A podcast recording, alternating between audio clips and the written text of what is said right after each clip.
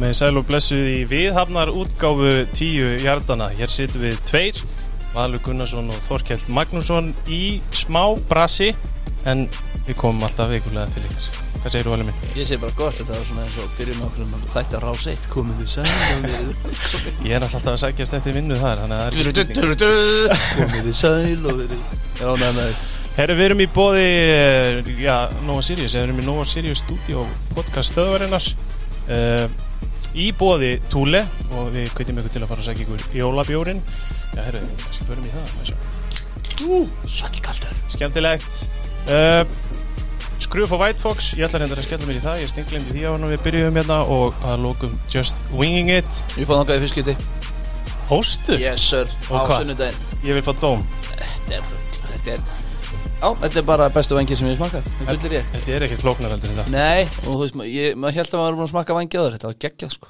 Fórst í Thanksgiving tilbúið eða eitthvað? Nei, ég fekk bara eitthvað fjölskyldi tilbúð Við vorum fjögur Herru, ég fór í það líka um daginn, það er síkala gott.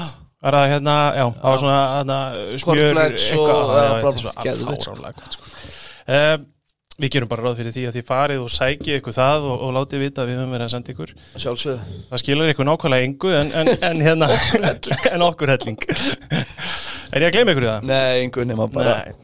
Sem að fjalla um þess að stórskrýtnu Stórskrýtnu leikum við að segja NFL-vöku Eitt þre- þreyttasta hérna dæmi sem við tökum átt að mínum mati er, er að þú sért sótarnar sérfræðingur nokkar og mér langar svolítið að spyrja þig út í svona hvað hérna uh, hefur þú skoðun á þessu uh, þessu mismun á milli hvernig er dílað við þessa leiki? Uh, já, ég hef alveg skoðun að þeim. Mér finnst galið að Denver Broncos fekk ekki að fresta leiknum sínum. Mér finnst það í raun og veru fáranett. Og mér er alveg sama þó þeir hafi verið hérna ekki með grímu inn í herbygginu eitthvað slags Frestuðustu fram á þriðudag Þetta er bara, þú veist, þeir eru að henda einhverjum gæja inn í QB sem er ekki múin að vera QB síðan í, síðan í einhver nokkur ár. og þetta er bara að fara að henda honum inn í einhver erfiðustu stöðu í professional sports. Já, honum er vorkunum við kannski förum yfir þá á eftir, ég menna ég, ég, ég er vorkinni þeim gæja, þú veist, auðvitað er- er að mörgu leiti getur litið á þetta sem bara alveg magna tækifæri, ég menna, þú veist, þetta er, þetta er galið að að henda honum inn í þessa stöðu en, en ef við tökum Devils Advocate og hugsa um þetta bara, þið brutu reglunar þið vissuð að þið ættu að vera með grímur svo kemur upp smit í hópnum hjá okkur og þá berið þið bara ábyrð á því, hvað, þú veist, Hver, Hverju hefur skipt skil- þegar þið haft hennar leik á þriðuti? ég nefnilega ég, Það ég, var Saints Denver sko. og með að við líka sko, það er eitt að horfa á þetta einmitt svona sem tvo staka leiki og það er annað að síðan að bera aðstæðu saman það sem að náttúrulega í raun og veru Baltimore þar brýtur einn af þjálfurunum sömu sótarnarreglur og smitar út frá sér og þar eru hvað átján eða 20 smit í heildinu sem kom upp í liðinu? Sko, já uh, Mér finnst, uh, þannig að sjálfu haldur hreinu Mér finnst eðlilegt að fresta leikjum. Veist, Ég vil fresta fleiri leikjum en færri, frekar sko. En, hérna, en, en þarna var greinlega rétt að fresta leikjum í, í stíles reyfin Sama hvað hver segir. Já.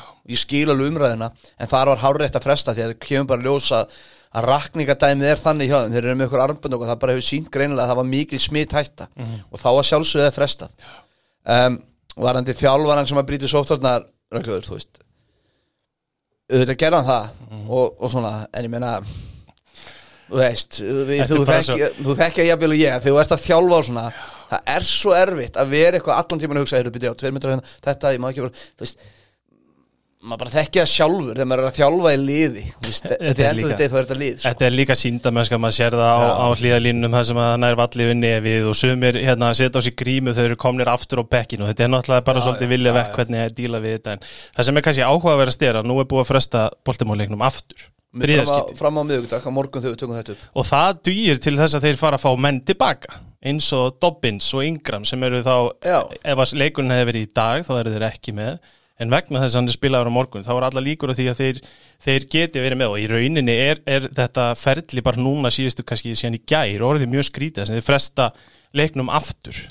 Já, já, eftir að hafa hérna, fresta æfingu hjá Reymis, þetta er orðið svona bara eitthvað mjög steikt og án þess að fara eitthvað mikið á kafi það, þá finnst mér svolítið skrítið bara svona að lokum með þetta er þeir eru rosalega fastir á því að ætla að halda tímabilinu í skorðum og bara klára þetta eins og þeir hafa alltaf gert það það er Super Bowl fyrstu helgin í februar og það er útrætt dæmi, við erum ekki að fara að breyta þessu nokkuð skapa en einasta hlut. Og það finnst mér svolítið skrítið að þeir get ekki leift sér, ég menna það NBA er komið í rugg, þeir eru að fara að byrja eitthvað tíman í desember.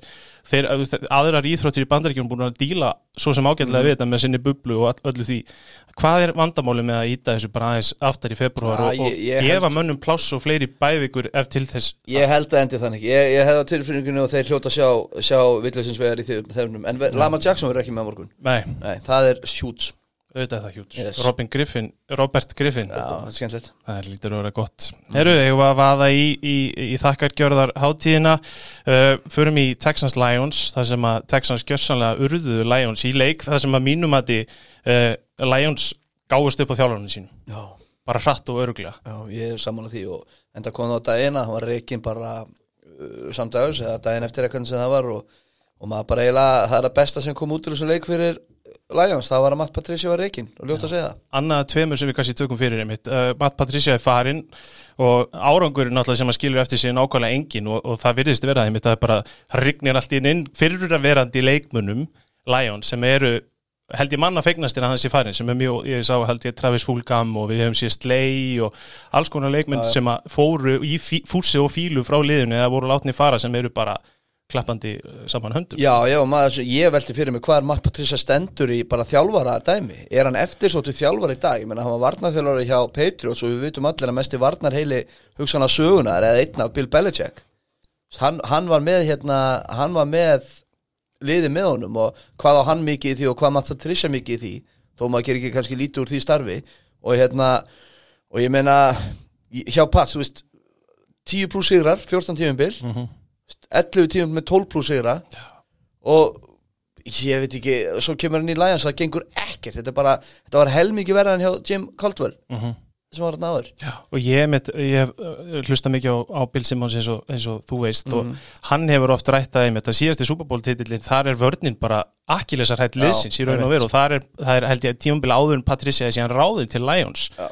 Þannig og, að, og, og hérna þú veist, og vördinni fyrir á Pats eftir að hann er farin, það bara var einn besta vörd sögun og voru að tala sem var hann að kæfta en þú veist, þannig að og hann góða mútið mjög lélugum lið og þú þarfst líka að vinna Já. þáleiki svo þú er margótt sagt mér. Þannig að greið Patricia er hérna, lítið, þetta kemur ekki vel út fyrir hann hvorki þetta en ég annað og það verður svona spennandi, hann fær alltaf vinnu en það verður spennandi að sjá hvað hann endar. Þannig að breytist aldrei að þessi deildir alveg óbúslega gamalt þessu. Já. menn fá við endalösa sjansa. Hitt sem að mér langa að að ræða bara svona eldsnött er vilfúler Mhm. og eh, áður en að hérna, við, við sittum bara fyrirvara á þannig þátt að þeir eru með tvo pakkismann hérna sem að fögnuðu gríðarlega því sérstaklega eh, núna í gær að pakkis skildur nú ekki treyta fyrir hún ég velti því fyrir mig hvort þeir reynilega hafi fengið eitthvað upplýsingar um þetta eða hvort þetta sé bara happa glappa.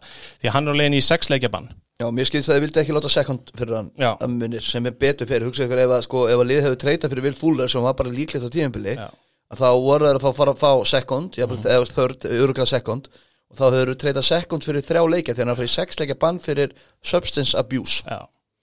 og hann fór í, hann setti inn einhvern Instagram posta sem hann að sjálfsögðu kendi einhverjum óþægtum lækni um öll sín vandamál og hann myndi koma sterkari tilbaka. Í þóleikið þegar menn gera þetta. Auðvitað þarf að gera þetta bara til að halda svona, hvað ég segja, æðruðinni eða heiðri eða einhverju. en þetta er að samt, samt fyrir eða eitthvað sko. En, en, en, en þetta er hræðilegt fyrir Houston hræðilegt og, ræðilegt fyrir Deshaun Watson. Og Watson sem var að spila bara fótballta lífsins núna undan, síðustu vikur. En það verður spennandi að sjá hvað gerist. Jafn mikið klúður að lókum hjá Texans að sætta sig ekki við læra pikk og láta hann fara.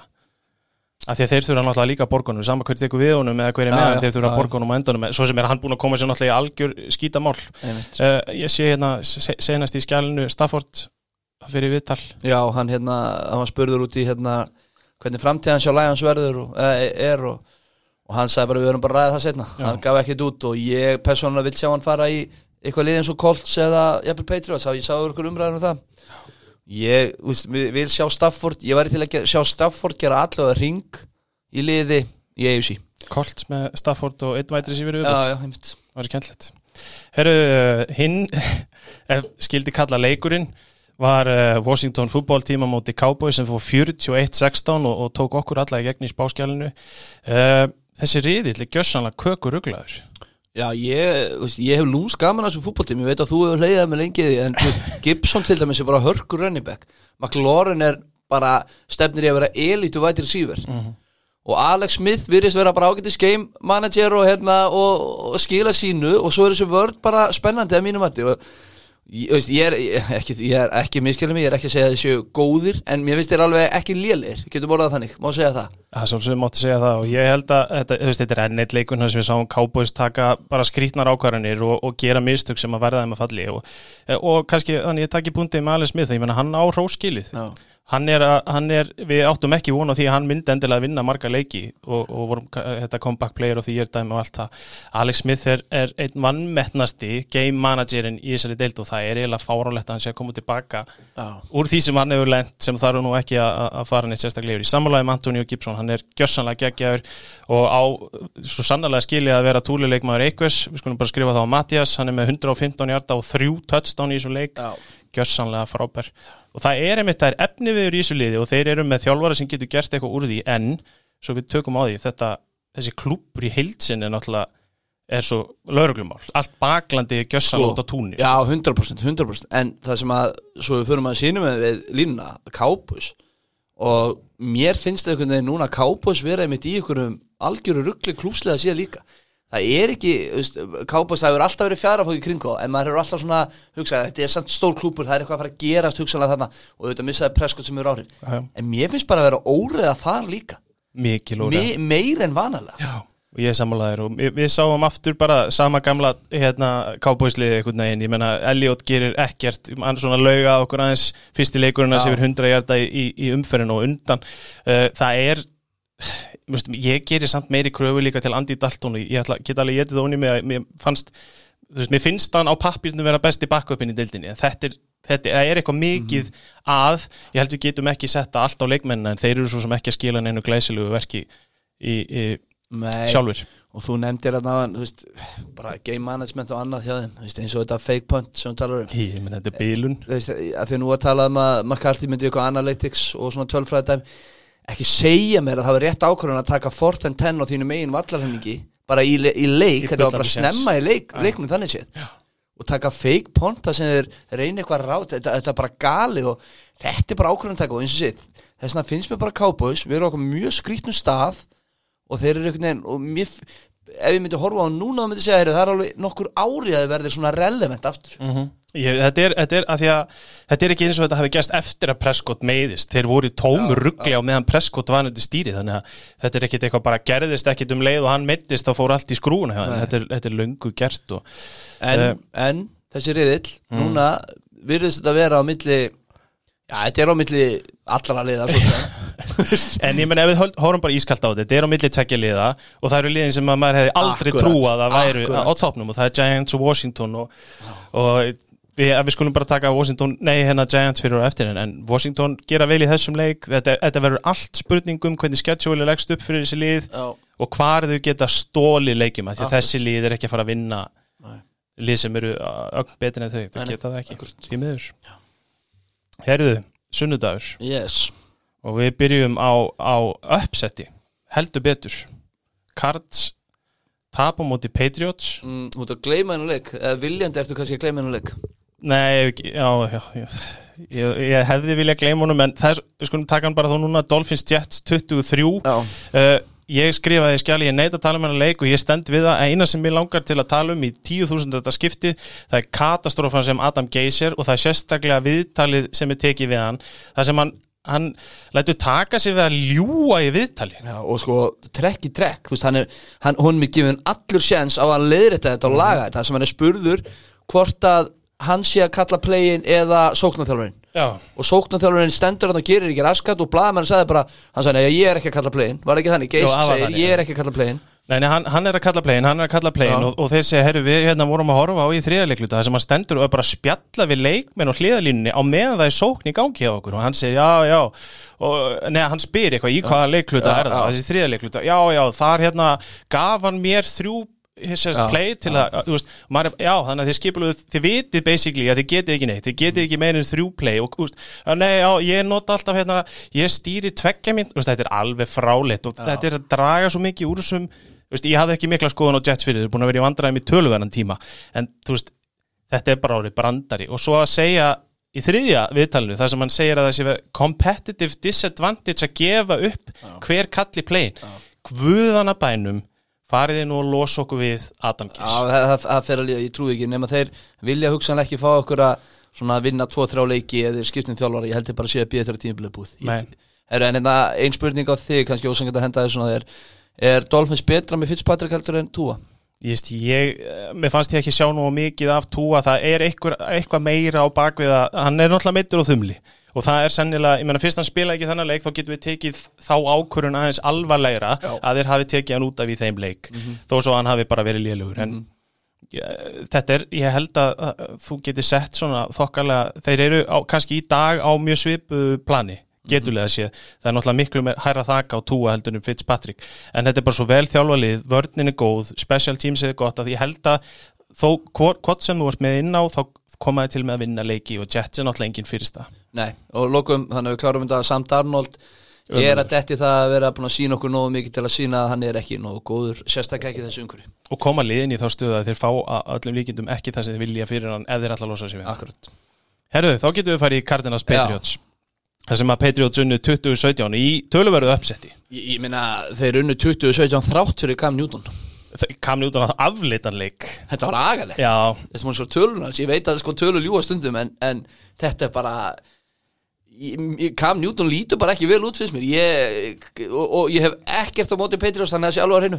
Ég vil að hann gangi vel. Hann er með, hann er með 9 18 og 84 kastjarta tvö Fjör- interception. Já, 2 interception, 46 rushing meina, og, og man, mér finnst einhvern veginn, ég puntaði mér, ég sagði bara alltaf þegar mér finnst hann svona, vera að fara að gera eitthvað þá gera hann ekki á móti þegar hann var í Galanda sem er kannski ósækert að bera, bera við þá var maður svona, heyrðu, þegar hann getur ekki gert eitthvað þá gerð hann, skilur þú hvað ég meina? Finnst hann akkurat öfugt núna. Ég, ég, sko, Það er ekki dósangent að að byrja hann við gamla Newtona því að hann var að gera þetta í byrjun tímambils Já, já, og ég hérna þetta, er að, þetta hefur ve- á- versnað töluvert en, en ég, ég skal bara hreinlega segja það, ég sá ekki mikið af þessu leik og ég skil ekki hvernig Cardinals töpuðu þessu ég sá, Nei, part, ég sá alveg part af honum á Redson ég var með hann í gangi þar og ég, ég eh, sko ef að Kyler Murray gerir ekki allt fyrir þetta lið, eins og í þessu leik þess að hann bara kemst ekki að stað, hann, getur, hann f- næri ekki að hlaupa eh, liðið af stað, í raun og veru er það eina sem maður getur sagt, þá eru þeir í töluverum vandræðum og ég, sko, ég var bara svona að hlusta mig til það sem að menn eru rosa mikið Kyler Murray hæp í gangi og ég skil það vel og ég er alveg á já. þeirra lest, hann er frábær leikmaður og allt það. En það er, virðist vera þannig að það, fólk allir bara já, herri, en Cliff Kingsbury það er, að hjóla svolítið í hann. Og kannski er það verðskuldi, ég veit ekki, hann tekur ákvarðanir í þessum leik sem eru kannski ekki frábærar. En er það ekki svolítið ósangjant ég meina Hopkins nær sér ekkit að stað. Uh, hann Murray kemur sjálfum sér ekki að stað einu sinni. ég skil ekki alveg sko, ég skil ekki hvernig þið töpuðu þessu leik, það er bara hreint út það er í raun og veru grunnspurningi mín í mjög lungum máli Málið er sko að eins og við höfum rætt um áður og allir vita að þá er Bill Belichick og Co. snillingar einu og það er að taka besta vopnið frá þér Já. og láta þið vinna sig öðruvísi og þeir skímuðu þannig fyrir Kyler Murray að hann var í vandræðum allan tíman hann hafði sér aldrei í gangi í hlaupaleiknum og þetta var svona ég las ykkur um eða heyrði í ykkur potið eitthvað að þeir voru svona í staðin fyrir að bomba á hann þá voru þeir meira að býða og svona blokka Sendingar. blokka sendingar Þetta er alltaf svo lítill sem hefur samt ekki verið vandamál einmitt fyrir en í þessum leik nei, nei. Og, og þetta er bara, er þetta ekki bara Bill Belichick einhvern veginn svona einn af þessum leikin sem að hann einhvern veginn bara er betri með öll hinn Jú, en að kannski verður samt að minna staða við nefndu það hérna í síðustu viku að þe- þeir voru rankaði sem lélegasta vörd deildarins DVOA já. og þetta er kannski besti punkturinn uh, besti, svona besta hliðin á punkturinn þínum er að hvernig í óskupunum eins og móti Ravens það sem þið vinna líka, hann næra sko hvernig, hann er með lélegast lélegustu vörð deildarinnar en á samt deila tvo frábæra varnarleiki sem er þessi og Ravens leikurinn Ég meina Patriot sem er total 179 hjarta í öllum leiknum. Mhm. 179 hjarta og þeir vinna 2017 Já, já, ég mér finnst þetta, sko, mér finnst þetta kardinarslið hæpað og ég held að ég hafi náða að glepjast, ég held að þessi tvö lið í þessum, ég held að þessi riðill sé óðmetin í heilsinni Já, veistu, ég er svolítið samanlega þar og hérna, við sáum það í öðrum leik sem við förum yfir á eftir. Já. uh, Cardinals áttu ekkert erindi í það að tapa þessum leik. Og Nei. máttu ekki tapa þessum leik af því að þeir eru bara uh, svolítið að mála sig út í hotn og þurfa að, þú veist, þeir eiga bara dálítið erfið að leiki eftir, þeir eiga sko þrjá inn, í- sérst, leiki í Divisional, sínum riðli já, já, eftir. Þeir náttúrulega klúra, þannig að því sem aldrei hafði klúra fílgól hérna, 47, þetta fílgól er 2,5 myndir eftir. Rúm. Já, og svo vinna þeir þegar er já, það taka þær á fílgól í lokin. En Patriots, ég meina Hvernig er, nei, þeir náttúrulega eru í AFC og þá er ekki séns á fyrir playoffs. Þeir eru 5-6 núna. Já, það fer náttúrulega bara eftir ef, ef, eins og Las Vegas ætla að vera að gera það sem þeir eru að gera þá er alveg, það já. er gataðna, skilur það er alveg, það alveg möguleiki en ég sé það ekki gerast. Nei, ég sé það ekki heldur gerast. Líka þeir eru frekar leiðilegt að horfa Sko, ég vil ekki sjá það þarna. það. Þetta var, var hræðilegu leikur. Já, ræðilur sko En það er svona, Það er svona, heyrðu Panthers Vikings. Það var ekki ræðilugur 28-27 fyrir Vikings og Mhm. þetta kom mér á óvart. Um, Já, ég veit ekki. Sko, mér finnst bara ég, eins og ég held ég sagði við ykkur að Jefferson hann að vætir sífurinn rúkiðin hjá Vikings. Þetta er besti rúki vætir sífur sem ég maður eftir og Matti henda með OBJ stati, Odell Beckham. Sangjant mjög sangjant, alveg klárlega sko.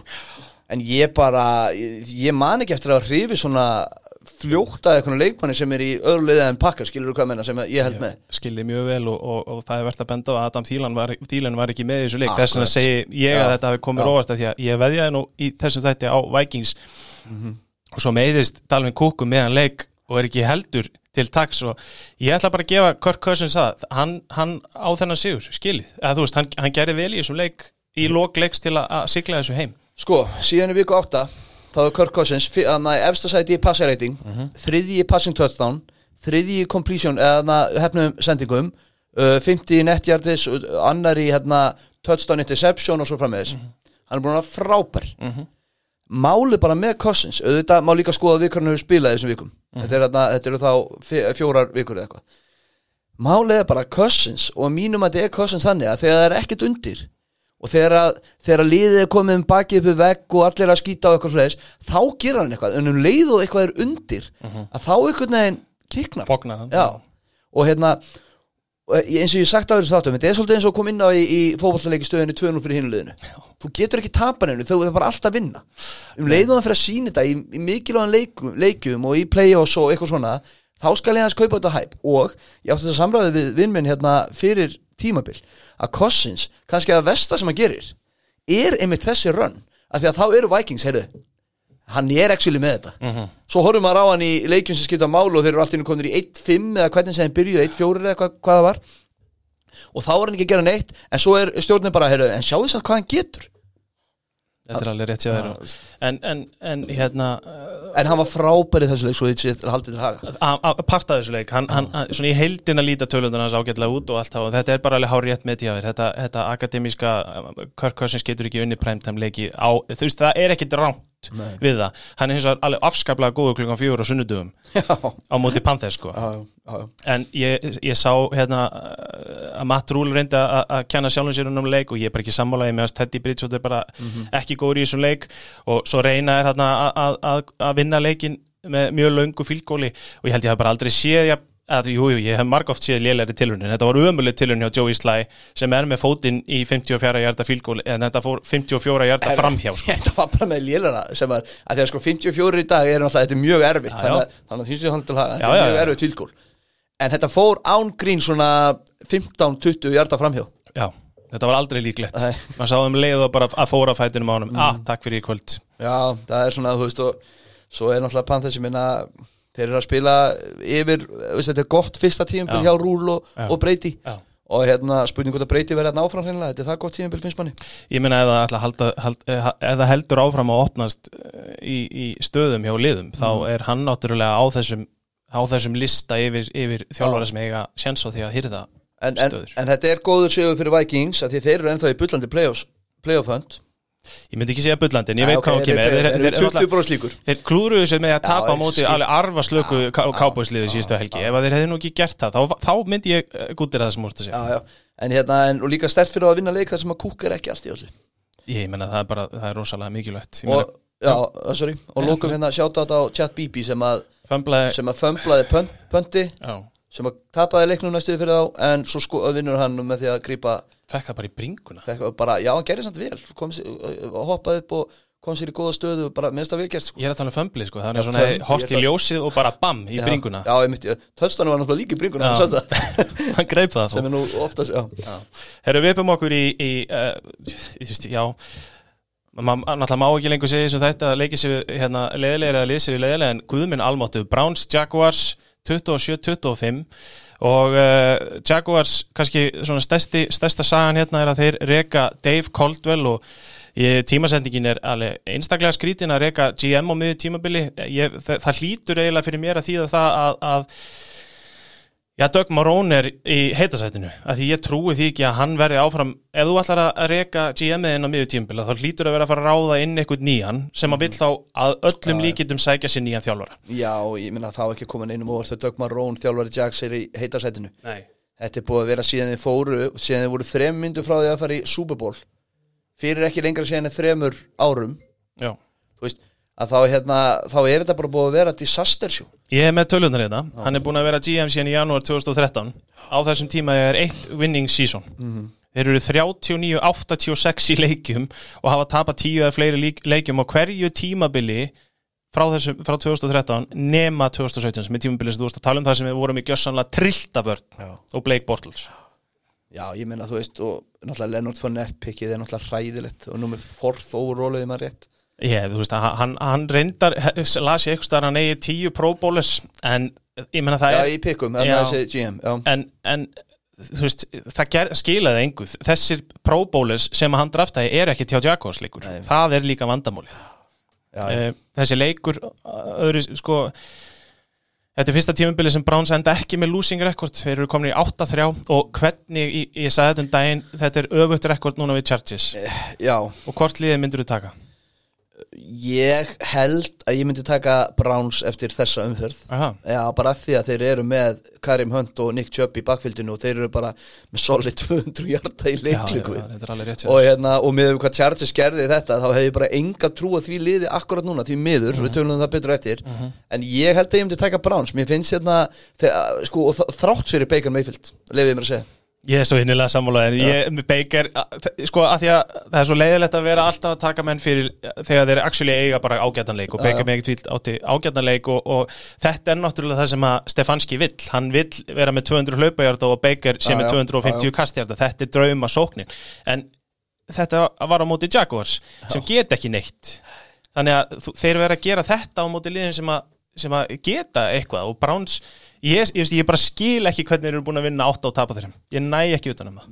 Nei, ég, ég, skil alveg að þú náður ekki utan um það en ég næ alveg eh, ykkur hluta vegna smá utan um það líka. Hvað minna, þeir eru svo með hann hérna Landry sem er, að, sem er að koma til núna. Þeir eru með Austin Hooper núna í tætt endinum. Uh, sóknarlínan ekki búin að vera góð minnum, ég man það ekki alveg hvort Allt það í lagi, já, menn allt í lagi, á, hlaupaleikurinn er á náttúrulega bæting geggjaður, það sko. svo hlaupaleikurinn kemur hún á það og ég meina Baker Mayfield er first overall pick Mhm. þú veist, það, það býr hugsanlega eitthvað en ég skil alveg að þetta lið er 8-3, 7-4 þætti mér eðlura Já, já, já, en en Við skulum líka að gefa þeim það, þannig að við bara höldum því til haga. Þeir hafa verið með þokkalega þægilegt, þeir eru búin að spila móti Cowboys og þeir eru búin að spila móti Washington Já, já, já. Og, og Bengals og eitthvað svona. Og veist, þeir hafa verið að vinna þá leiki sem eru leikindi sem þú verður að vinna og Jaguars og annað, þeir tapa móti Steelers uh, tapa á móti Ravens. Þú veist, þannig að þetta er kannski bara sangjant, já, ég veit það ekki. Og hérna, ég hugsaði oftar einu svona oftar í tvisar í þessu leik að ég held að Jax var að fara að vinna þetta. Og, og þú veist, Ég þetta var það það tætt. Ég og ég, og veist, það var típist sem bara, svo típist að Browns tapið þessu leik og það er bara það, Já, það hefði verið típist ef að Cleveland Browns hefði tapað þessu leik á mútið Jaguars. Á móti Mike Glennon. Við skulum ekki gleyma því sem að mætti aftur í þennan leik og var 20 uh, af 35 fyrir 235 jördum Mhm. og 2 touchdownum. Og þessu átti ég ekki heldur vona því að mér hefur þótt Brownsvörðin vel mönnuð. En hún náttúrulega spilar ekkit alltaf sérstaklega og uh, Mike Glennon, ég var svona aðeins að lesa mig til á, á hérna uh, Jaguars Beatreddis taluðu bara um að hann væri uh, þeir tóku bara þennan leik og sögðu Mike Glennon er besti kortibækin í þessu liði og hann á að spila út tíðanbili og ég, get ekki verið sammúlaði ég bara, ég neita að vera sammúlaði sko. bara formsins vegna. Já, en, en þú veist, Guð bless ykkur og gangi ykkur vel og að lokum uh, James Robertson, Robinson hann er frábær Já. og hann er 159 jördum frá því að bæta scrimmage yards metið fyrir undrafted rookie. Og og hann slær það hann slæðir það potið sem er Dominic Rhodes 1328 hjartar árið 2001 Já. og uh, hvað var hann, 5 eða 6 leiki eftir til að, að hann getur dúla sér í gegnum Já, þetta met ef hann meðist ekki. og ég meina þú veist það er ljósi myrkrinu fyrir Jaguars að þeir eru alltaf konum með hörku hörku running back og hugsalega náður í QB það eru leikmenn hjá Jaguars. Það eru, ég meina, Charks í, í vætri sífunum, það, já. það eru leikmennana til að byggja upp og þá er kannski bara ágætt einmitt að láta Coldwell fara, reka Marón eftir tímabili, það liggur nákvæmlega ekkert á því. þá fá þeir flottan hérna, quarterback í draftinu og Já. geta farið að snúa blæðinu við uh, vonandi, af því að það er við höfum rætta hérna áður, það er engin von fyrir þetta lið Nei. nema þeir fara að breyta til. Næsti leikur, Já, leikur umferðin átt að vera. Hann var það ekki? Nei. Uh, Titans 45, Colts 26 uh, Derrick Henry. Er hann Þetta var Derrick Henry sýningin. Hann er minn, túle leikmaður vikunar Já. 178 jörd- jardar og þrjú touchdown. Já, það sem að þetta bara heldur áfram það sem að bara hleypur yfir og menn er að taka viðskipt ákvarðanir þegar þeir eru að fara að tækla Henry. Þetta lítur þannig út. Það lítur bara þannig út að menn eru bara Nei, ég, ég, ég gef ekki alveg allt í þetta Ég, þú veist, sko, við skulum hafa það á hreinu að hérna uh, fyrirfram hefði maður áætla að Colts myndi verið inn í þessum leik en svo kemur náttúrulega upp á að uh, Buckner meðist, Ótri meðist, Ókaríki meðist og Jonathan Taylor er veikur. Og þetta, sko, þegar þú ert að tala um eina bestu vörn deildarinnar og, og þeir náttúrulega sækja Buckner frá 49ers fyrir tímumbili til þess að vera svona aðal spaðinn með Leonard þá á móti Derrick Henry átt ekki séns og tekur bara uh, miðjuna úr, úr vörninni og þá náttúrulega leikur Der Derrick Henry sér að þér og hann var hann ekki búinn að megna þessu í fyrirháleik uh, Ég maður ekki. Með minnir hann hafi verið komið með þrjú touchdown bara eitthvað tíman allavega miðjan þriðaleikluta sko. veist, þá var þessi leikur bara búinn og það er, ég ætla ekki að taka neitt út úr þessu fyrir Colts, ég meina Colts er bara gott lið en þú getur ekkit, þú getur ekkit mist bara alla póstana úr, úr vörninni og skilið hérna uh, skilið á eftir bara með sálstæðinni eitthvað neginn Nei, nei, en ég, samt, ég tepaði nú tennis í fyrirleikin sko, ég hef bara svo mikla trú á Derek Henry. Ég hef svo mikla trú á Ryan Tannehill þegar hann er að hérna, stjórna þessu. Svo erum við AJ, þú veist, þeir eru með hörku, hörku, hörku sóknarlið og, og, og mér finnst þeir vera með sóknarlið sem að getur unnið öllu þrátt fyrir vörðina sína. Já, ég, ég, sko, ég er að mörguleiti sammálaðir og hef ætla nú ekki, að- ekki að fara að láta að líti út eins og ég sé ekki tætansmaður við höfum verið Nei, hérna já, mjög, mjög mikli tætansmenn en hins vegar hefur mér þótt svona, það kemur alltaf fyrir hjá þeim eins og þeir tapa á móti Bengals og þeir tapa fyrir leiknum á móti Colts þokkalega svona örugt. Og það er þess vegna sem ég hugsaði mitt með mér ef allir eru heilir hjá Colts og svo gleymi ég að breyta í skjálinu sem er annar mál, ég var að bera sófa en það breyti því ekki að þú veist þeir, þeir eiga svona höfuverk inni þó svo að þeir mæti síðan reyfins og taki þá í gegn og, og þú veist, já, ég veit ekki. Ég, svona, ég treysti þeim ekki alveg en þeir eru svo sem að, að vinna á sem því væntalega þeir eru eftir að tapa einhverjum fráleitum leik það sem eftir að tímabili. En þeir eru að mínum að þið sennilega búin að ganga frá sem reyli þeir eiga Browns, Jaguars, Lions, Packers og Texans eftir, þetta eru fjóri sigrar að mínum að þið ef allt gengur eftir og þá vinna er hann að reyðil þokkalega solid. Og Colts eru bara ég ætla ekki að segja þessi komnir í eitthvað bullandi vandræði en þeir eru komnir í smá brekku. Sko, Filip Rífis er bara því miður ekki nógu góður til að vera að taka á alvarlega sem playofflið það er svo liðs Já, ég, ég er eiginlega komin að það. Ég var að, hann er hann er bara, já þú þart smá auka frá Já. í playoffs. Já. sérstaklega þeir eru ekki með betri hlaupaleika en, en sem þeir eru með núna. Og vörnin er ég vil ekki segja ofmyndin en þú veist ekki alveg hvað þú hefur nei, ég veit ekki alveg, mér finnst hún ekki eins góð og margir eru að tala um. Mhm. og, hérna, og þegar þú ert, ert með Rivers að þá hérna eins og þá held ég að ég sé bara ekki nógu góðu til að gera einhverja atluga að einhverju í mjög sterkri AFC-dild Hjá þeim er náttúrulega bara núna að komast í playoffs. Já, að það akkurat. Þeir eru náttúrulega komin í sæti og eftir Já, já. Titans með því að tapa þessum leik og, en, og eiga erfiðara schedule eftir þeir eiga reynda Texans tvisa sem er algjör brandari og það, núna það, fyrir mig yfir á eftir við vitum ekkert hverju við höfum Raiders svo eiga Steelers og Jaguars. Þannig að þetta eru svona lala program Texans þetta eru ja, þrýr, fjóri leikir sem þeir eiga að vinna og, og uh, það sem mestu máli skipta fyrir mér er að DeForest Buckner sé ekki meittur í lengri tíma, hann Ja, verður að koma inn 100%. strax En mér langar til að spila aðeins með Titans Þannig að við klárum að leik Já. Ef við myndum setja Titans í NFC Væri þetta besta liða NFC?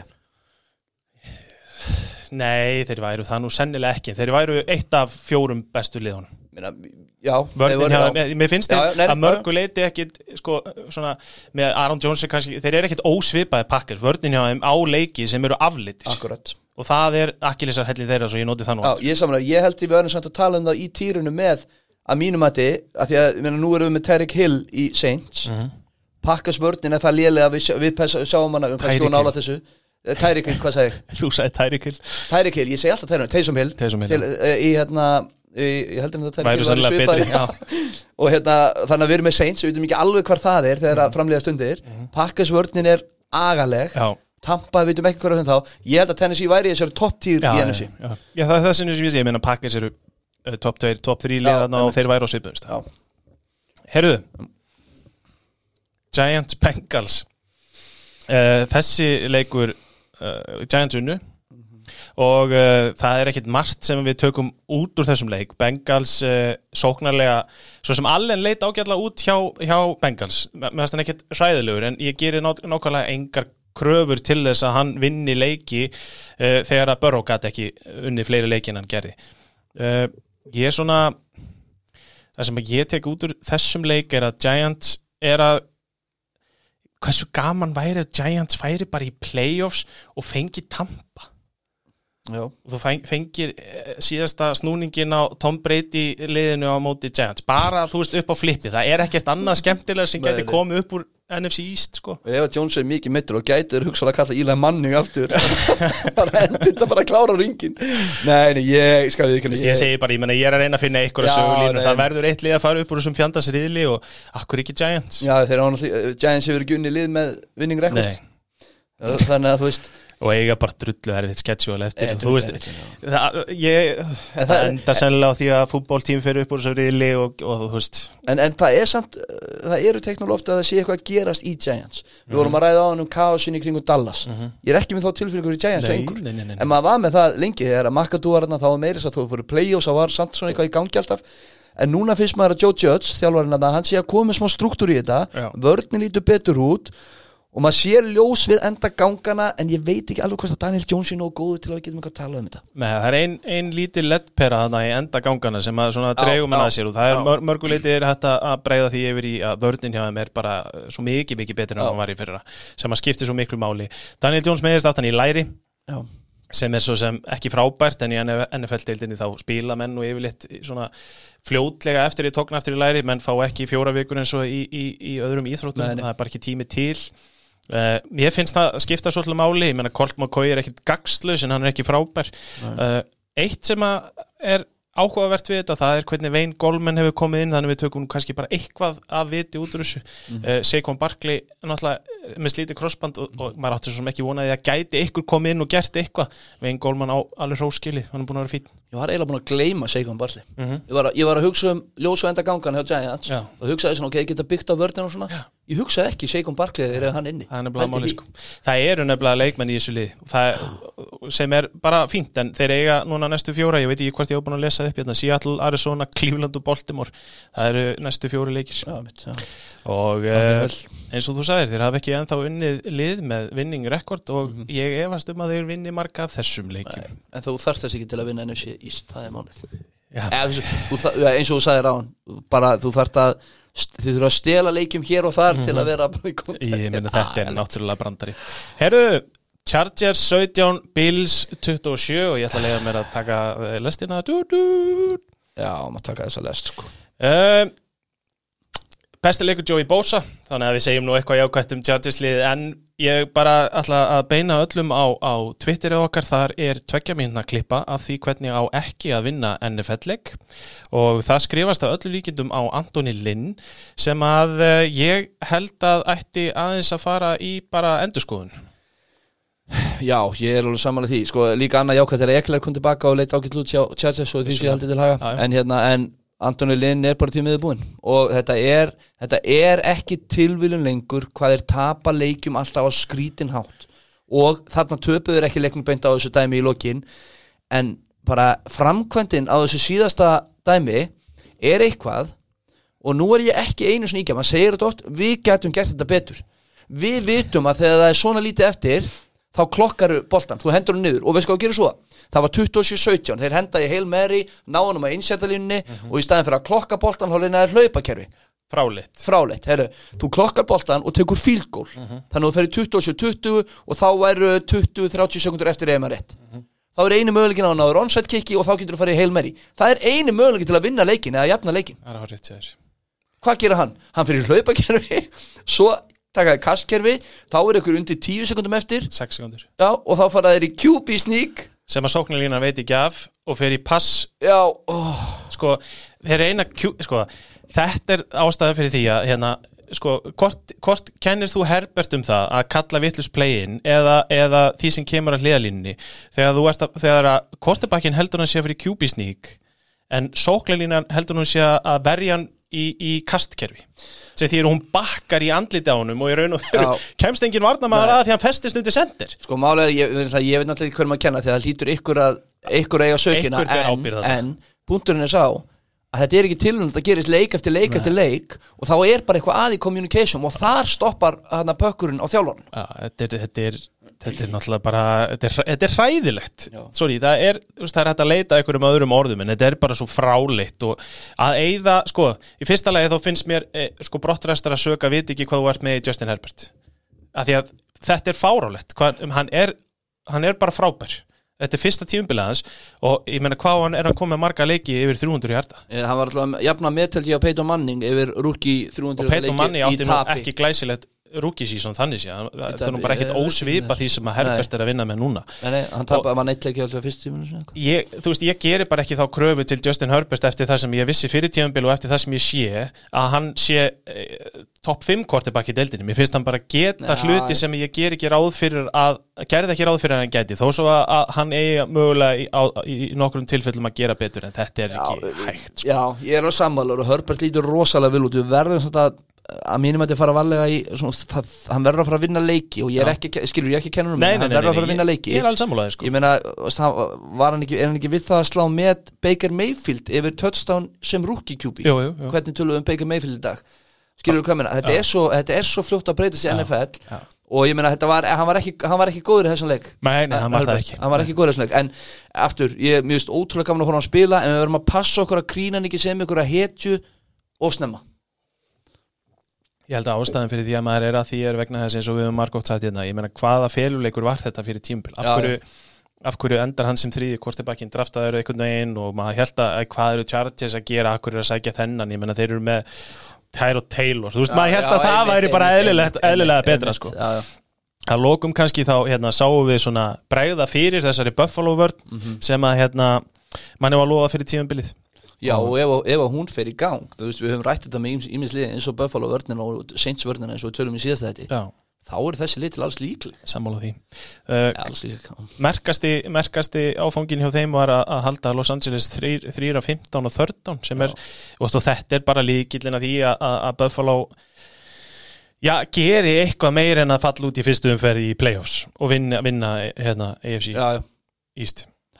Uh, Já vindum okkur yfir í Raiders fall Ég ætla bara að byrja á því að, að kasta honum bygga okkar undir útuna. Hann skrifar í skjali á okkur Carrier garbage time quarterback at best sem spila bara vel á móti Chiefs. já og þú svarar fyrir neðan Já. ha ha ha, þú ert alveg kökuruglaður sem hann er, við vitum það báðir. Uh, mér finnst þetta alveg afskaplega ósakjant. Take þó svo að, að Carr hafi átt náttúrulega hræðilegan leik. Hann átti sannlega vesta leik hérna til allavega tímabilsins Já. og sennilega ferilsins ef að við séum bara alveg hinskilnir en, en ég meina hann hefur átt betri leik en þetta og ég meina Reytes voru bara í bullandi hérna og eru ennþá í bullandi playoffsins. Ég skil hins vegar ekki alveg hvað átti sér stað þarna. Nei, ég sammálaður þar. Ég, maður átti einhvern veginn, maður held að reytis væri komið úr þessum fasa að eiga svona leiki og bara og, og, þú veist, og ég var einhvern veginn alltaf að býða eftir að ég kæmu tilbaka þeir eru með grúten, Jacobs var ekki góður í þessu leik. En það bara gerðist ekki. Og, og þeir eru einhvern veginn bara meira og meira ráþróta en við getum ekki tekið af Falkons og þeir lítu bara mjög vel út í þessum leik. Þeir eru með einmitt bara svona lið. Og ég einmitt hérna, bjóst við þessu kannski síðustu helgi. Að þeir myndu eiga þennan leik. Af því að þeir áttu tvo sigurleiki þar á undan og voru bara svona, það var upptikki í því sem þeir voru að gera. En að mæta svona og baka reytis á heimaðalli er alveg stórkoslegt Já, já, minna, nú nú er bara að fara að setja spurningu er Raheem Morris sem er hérna caretaker manager hjá þeim er hann að fara að taka við þessu jafnvel? Og mér skilst á, ég heyrði nú í, í Magga mm -hmm. og hann talaði um að hann verið mjög vel liðin í klefanum, bæði þarna og áður í fyrra á svona og leikmenn fílan, hlusta á hann og það, það, er, það er óvægt að segja þetta Falkonslið lítið mikið betur út eftir að hann tók við heldur en þegar Dan Quinn var með þá. Guð minn góður, við skulum samt ekki gleyma því að Reytis er með eina slökustu vörnina í deildinni þannig að það er svo sem á að koma óvart að, að ja, á, á sínum degi er Falkors mjög gott sóknarlið með mjög góða leikmenn þannig að það kannski kemur ekkert sérstaklega óvart. En ég set alltaf spurningamerki við það að ráða þjálfaran sem tekur við sóknuskipi Ég, sko, ég er samanlega þar, en oftast eru það tveir leikir, þrýr leikir. Sem það eru núna, þrý leikir. Já, já, ok, já, býðum kannski að spila Er ekki lengra síðan Dan Quinn var reykja? Eh, Þeir eru allavega búin að vinna hana, þrjá af síðustu fjórum sem að, og hafa gert það vel.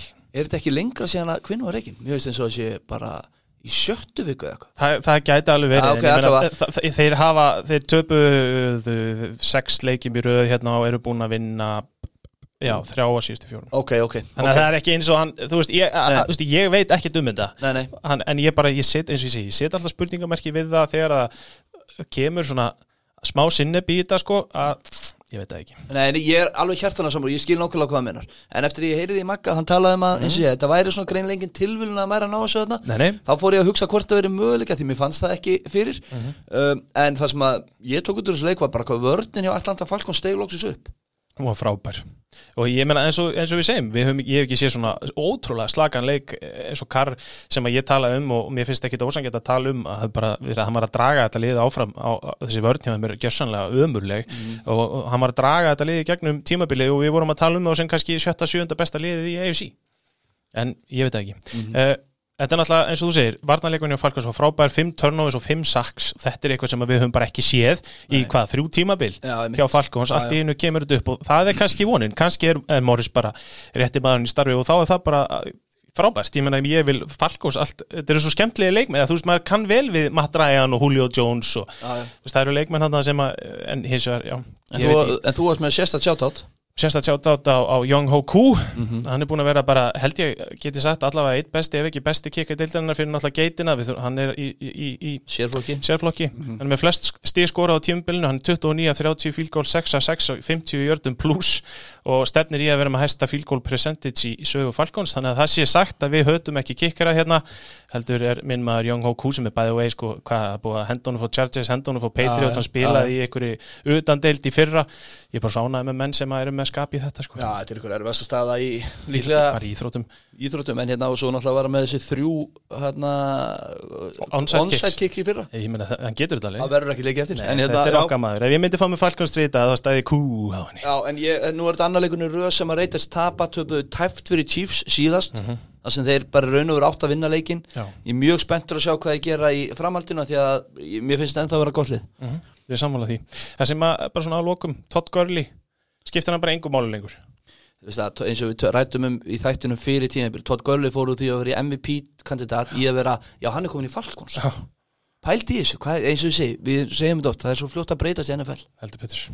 Herru, við vindum okkur yfir í uppáhaldslið Mattiasar fyrir austan Vatnajökul. Það er 49ers Rams og annað eh, uppsett í, í vestrinu í NFC. 49ers vinna 23-20 og ég ætla eiginlega bara að vippa þessu yfir og þig. Hvað er að frétta að 49ers? Mér finnst þeir flottir Ég hef ótrúlega ég, Sko Það næneslið er frábæla þjálfað eins og hefur margótt komið fram beggja með yfir línuna og í þessum leik þá myndi Sala á sig Petturs. hann bara, hann var með Sean McVay í vasanum í leiknum. Og það er ekki oft sem að sér það.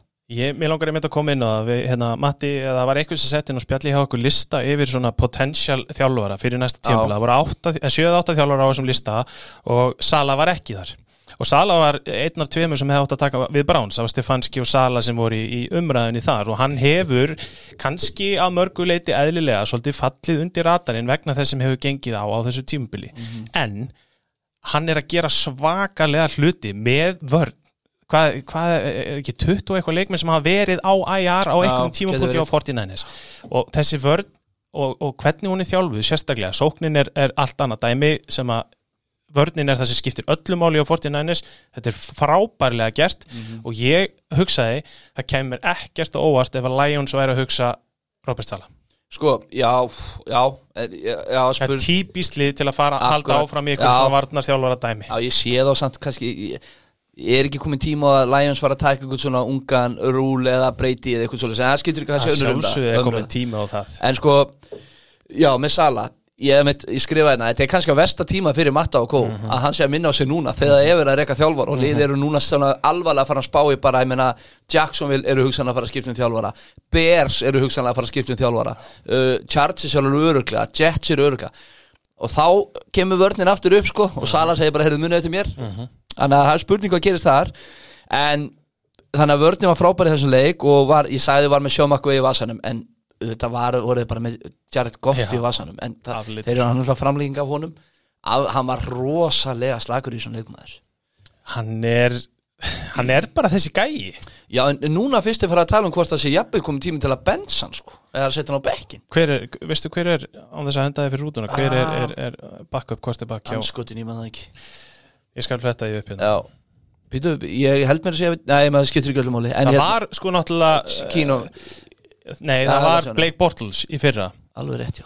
Sem er kannski ágætt að hann er ekki. Nei, sko, þið get ekkit bekkja það er eitthvað John Wolford hérna, sko, ég, Nei, ok, já, Ég, ég meina, En ég meina að þú veist hann er vandamálið, við höfum margóft rætta hann er dýrasta strengjabrúðan í deildinu hann er bara stýrta þjálfuranu sínum og þegar að, þeir lenda í einhverjum vandræðum þá er, endar það með ósköpum. Og vandamálið við Rams er að því að við svona aftur við tölum um að þeir gætu verið besta liði í þessu riðli. Uh, og já. það er farið að líta þannig út að það sé kannski bara ekki droslega erfitt að vera besta liði í þessu riðli. Uh, þeir eiga bara daldi erfitt schedule eftir og þeir eiga Patriots, Cardinals Cardinals, sko, Cardinals tvisar og Seahawks. Þannig eru þrýr leikir in division. Sexy maður, tjóðið sexy geggjað. Og bara, þú veist en, en þú segir að sé ekki erfitt að vera á topnum Ég held að sé svolítið erfitt að því að Seahawks er Er þarna fyrir já, þessi já, fyrir, ó, Já, það er ósækjað hjá já. mér svona, við mitt kannski annað sem við höfum verið svona að benda á að Seahawks eru búin að vera í smá læð og það já, svo sem ekki sér í nótt en, en En hérna, uh, svo langum að nefna sko að það munur náttúrulega rosalega miklu fyrir það frá Brandon Ayuk aftur og Debo Samuel. Debo Samuel er hannaðu fyrir þessa sók Mhm. og Aaron Donald sem að var frábær í leiknum það var eins og hann var svo eini sem vildi vinna þetta og pældi því þeir, með, þeir vinna leikin Nænes á 41 hjarta fílgóli minni mig. Átt að vera 46 hjartar Mhm. já Jalen en Jalen Ramsey hoppar og snemma. Hoppar? Hljóp. Það er bara, ég, bara, þetta er að það breytist úr minni með 46 í 41 sem er alveg mikill munur á agalega kærulöst en hérna en Aron Donald held ég að sagði fyrir leika hann vissi ykkur Díbo Samuel er. Kannastu við það? Nei, Ég sá þetta út undan mér. Enn og, og e, enn já, ég hugsaði til þín. Bara af hverju þegið ekki bara? Eh, sko, ég- segði þetta eftirleik Þetta er einn af fáum gæjum sem ég skal segja Ok, Já, já, ok, já, já. Aron Donald, ég meina Debo Samuel er ekki að fara að láta Aron Donald líti út eins og kjána sko, mun, ég aldrei ekki- mætast en Nei, en, en Tíbo Samuel, Jarlsætti Kerry oh, þessi, bara- þessi sók þegar hún gengur hjá næni, svo sjana hann Mhm. er frábær ekkit, ekkit skemmtilega þess að sókna á að horfa að mörgu leiti, þó að þessi gaman að horfa á góð skím og svona Nei, og, og, og tekur svolítið út skímið sem að vörnin hjá Rams vinnum með Já, sem akkurat. er Jalen Ramsey og besta vætri sífinni Já. þegar þú ert ekki með besta vætri sífir Akkurat. ekkit svona ábyrrandi nafn heldur svona slottgæja sem að eru after the Já. catch leikmenn þá eru Rams Þú ert ekki að dekka, dekka down, the- eðna, niður Nei, völlin já, og, þú- og loka á hann Þetta er þannig. ekki Metcalf, Nei, Jalen nei, Ramsey nei, æsingur, akkurat, sko. akkurat. Uh, Erum við ekki bara búin að coverna leik? Ég meina, Nænes eru ennþá í, í playoff hunt. Já, allir það ekki allir við verðum, þú veist, það er náttúrulega, eru allir og ömmur Já, þeirra já. í playoff Já, já, en bara með hvað er búið að gera sjá Nænes þá er ótrúlega að þið séu ennþá ennþá í viku 13 þá erum við að tala um að þeir eru séns á playoffs Já, þeir eru 5-6 Þeir eru 5-6, ég veit það, en þeir eru í Þeir eru alveg mikið í þau hönd eins og ef við erum að tala um Vikings. Akkurat, akkurat. Það er alveg rétt þér. Herðu Saints Broncos. Og þetta er leikur sem kannski ætti að fá bara sinn eigin þátt. Af því að þetta er uh, þetta er bara leikrit. Þetta er bara búið að vera grín. Þannig kemur upp sagt smitt í, í quarterback herberginu eins og það er alltaf kallað hjá uh, Denver Broncos fyrir, fyrir helgina. Og þeir eru, eh, það er nú ekki mörglið sem að eru með held ég fjóra quarterbacka á sínum snærum nei. eh, held ég alveg öruglega og uh, þeir virða ekki reglur um grímuskyldu og annað sem að kemur upp um þá og e, það er einhverjar ósannar sögur sömu leiðis að sem menn voru eitthvað að reyna að verja sig og svona ekki að viðkjanna hvað þeir gerst. Og þeir eru náttúrulega eins og við höfum rætt áður, þeir eru með einhver arbönd þar sem þú veist í hvaða close contact þú ert við aðra leikmenn og slíkt. Þeir fara allir á COVID-listan og deildin segir þessi leikur skal spilaður, við ætlum að búa til uh, Fordæmi, sínidæmi eða fordæmi hérna og láta ykkur spila hennar leik. Sko, Kalli, ég skal hva, því. hva Ég skal lofa því Þú hvaða kortebæk herbyggi sem er Mm. í NFL Hvað heldur að margir séu með grímu allan tíman? Allir, allir nema þessi fjórir. Á, allir nema þessi fjór Allir, hver einn og einasti. Já, Þú en- brýtur ekki þessar reglur. Nei, einmitt. Nei, sjálfsögur ég að bjóti grín. Já, en þú veist, þetta er bara og þeir enda á Kendall Hinton.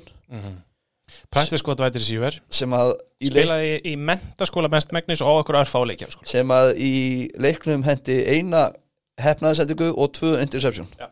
Hann hendi oftar á Saints leikmenn heldur en Broncos Með þrjár hefnaða sendingar sér sett Já. Veistu það, ég bara, eins og segi Ég skrifaði það má kveiki í þessari spólu fyrir mér að Því að maður hugsa, heyrðu, þetta verður áhugavert Við rættum að síðast að hvernig mun Vic Fangio skíma á móti Taysom Hill? Það kom ekki til þess að mörgu leita Því þeir voru alltaf með svo góða vallastöðu Og Taysom Hill er með hræðilega tölur í svona leik. Já.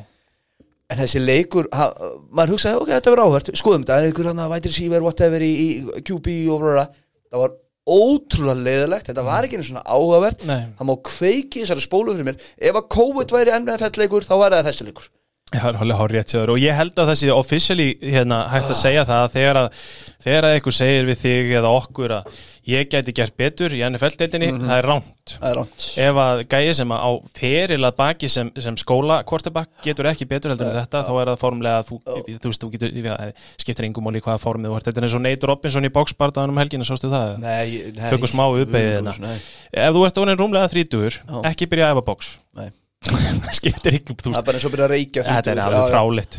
En eh, já, við skulum ekki taka neitt Nei. annað út úr þessu heldur en kannski mér langar svona eldsnött að, að, að, að ræða Taysom Hill og mér langar svolítið að spyrja bara þú veist, finnst þér ekkert asnalegt að hann sé kortebakk 1 á eftir, eða kortebakk 2 ég, þú veist, hvernig er ég veit að þessi leikur skiptir engum máli, þú veist, hann fór þetta er bull, þessi leikur er bull, við skulum ekki taka hann inn í en hann getur ekki neitt. Nei, sko við erum að tala um það að, að fyrir, fyrsti leiklut í þessum leik var bara eitthvað djók það voru einhverjir 50, ég man ekki Ég sá bara í byrjun. Já. og það var eina ástæðan fyrir því að ég var svona alveg bara, heyrðu, þetta gæti orðið pínu skemmtilegt. Þegar byrjuðu með Lindsay í einhverju svona vælkatt Já, svo meðist það hann og, og, og það fyrir út á gluggan en þá var ég alveg svona, heyrðu, þetta gæti nú alveg svo náttúrulega fer þetta allt í, í hundana hjá þeim. En Taysom Hill, Sko- ég skil ekki hvernig Sean Payton endar á að taka þessu ákvörn mér finnst það svo skrítið Já, máli er hann, hann, hann, Taysom Hill spila bara nákvæmlega svo Taysom Hill. Þegar hann var aftar á vellinum þá komist þeir ekkert fram þeir náðu, það var bara, þeir náðu ekki first down og svona en um leiðu þú kemur í hættulega stöðu á vallanum ekki anstæðingana Já. þá endar hann með tvö touchdown og, og eitthvað hlaupaðar það Vist, hann hendi fyrir 78, 9 og 16 eitt interception. Hann sagði reynda sjálfur vist, ekki skoða hérna þetta var bara svo skrítin leikur af því við vissum að þeir eru ekki með QB þetta er bara, Æ, ég, ég er bara eins og segi bara, ég nenni ekki að tala um hann leik. Mér fannst þetta, og, lélegt af NFL að láta hann fara fram í fyrsta leik já, já, já. og í öðru leik þá var þetta bara hundleðilegt og ég veit höfum ekki að tala svona en þetta var bara, þessi leiku var bara þannig fyrir mér. Samanlega Herruðum, Chiefs mm.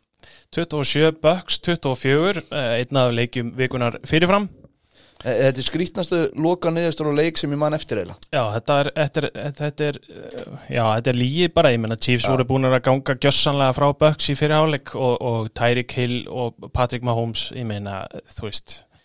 Hvað getur maður sagt? 200 hjartar í fyrsta leikluta og hvað, 2.000, 3.000 Já, meðan í Fantasí, ég ætla bara að þakka kjallaði fyrir það, ég fekk 52 stík frá Tæri Kill og vann Mattias. Eh, Ég, svona ég veit að okkur að það er ástæða til að svona vaða eins í, í, í breyti og, og það er einhver miklu skán á sambandi breyti og Bruce Arians. Og við höfum séð það hérna fyrir á tíumbilna sem Arians hefur farið í viðtöl og hann er bara maður sem er no bullshit gæi, hann er rauður í framann og hann er með, með húfu og, og og hann fyrir viðtölu og hann segir það sem hann er að hugsa og hann er búin að segja margóft af hann hann sé ósáttur við suma hlutina sem Tom Brady er að gera. Og uh, mér hefur mér finnst mér finnst hann ekkert af, sko, mér finnst þess að sko, styrkurinn í höndunum á hann finnst mér ekki að blíðlegur að hann var í fyrra, en mér finnst stundum bara skrítið að horfa Tom Brady inn á vellin Sko, ha, við skulum ekki taka það Tom Brady Hann er í nýju kerfi og í kerfinu hjá Patriots þá var að horfa fyrst niður Já, Ef að enginn er opinn niðri þá máttu hugsanlega kíkja aðeins upp og henda langt. Einmitt Núna er bara að horfa upp beint. Og við vitum að ef þú ert að horfa upp þá ert að henda langt oftast. Já. og þá er auðvitað fyrir passur að segja að koma á af því þú þarf lengri tíma. Og það er breyti liðlegastur þannig að hann er auðvitað að vinna í, í, í alls konar þessum málum og svona. En pyrringurinn hlýtur að vera skilnur menn að hann er með öll vopn í heiminum til að henda á en samt lítur hann ekki betur út af þetta og Arians lítur bara að hugsa, heyrðu, við erum inn að fá gæjan til að vinna Bowl. Og eins og staðinir í dag, þá eru þið bara langt frá því að fara að vinna Bowl.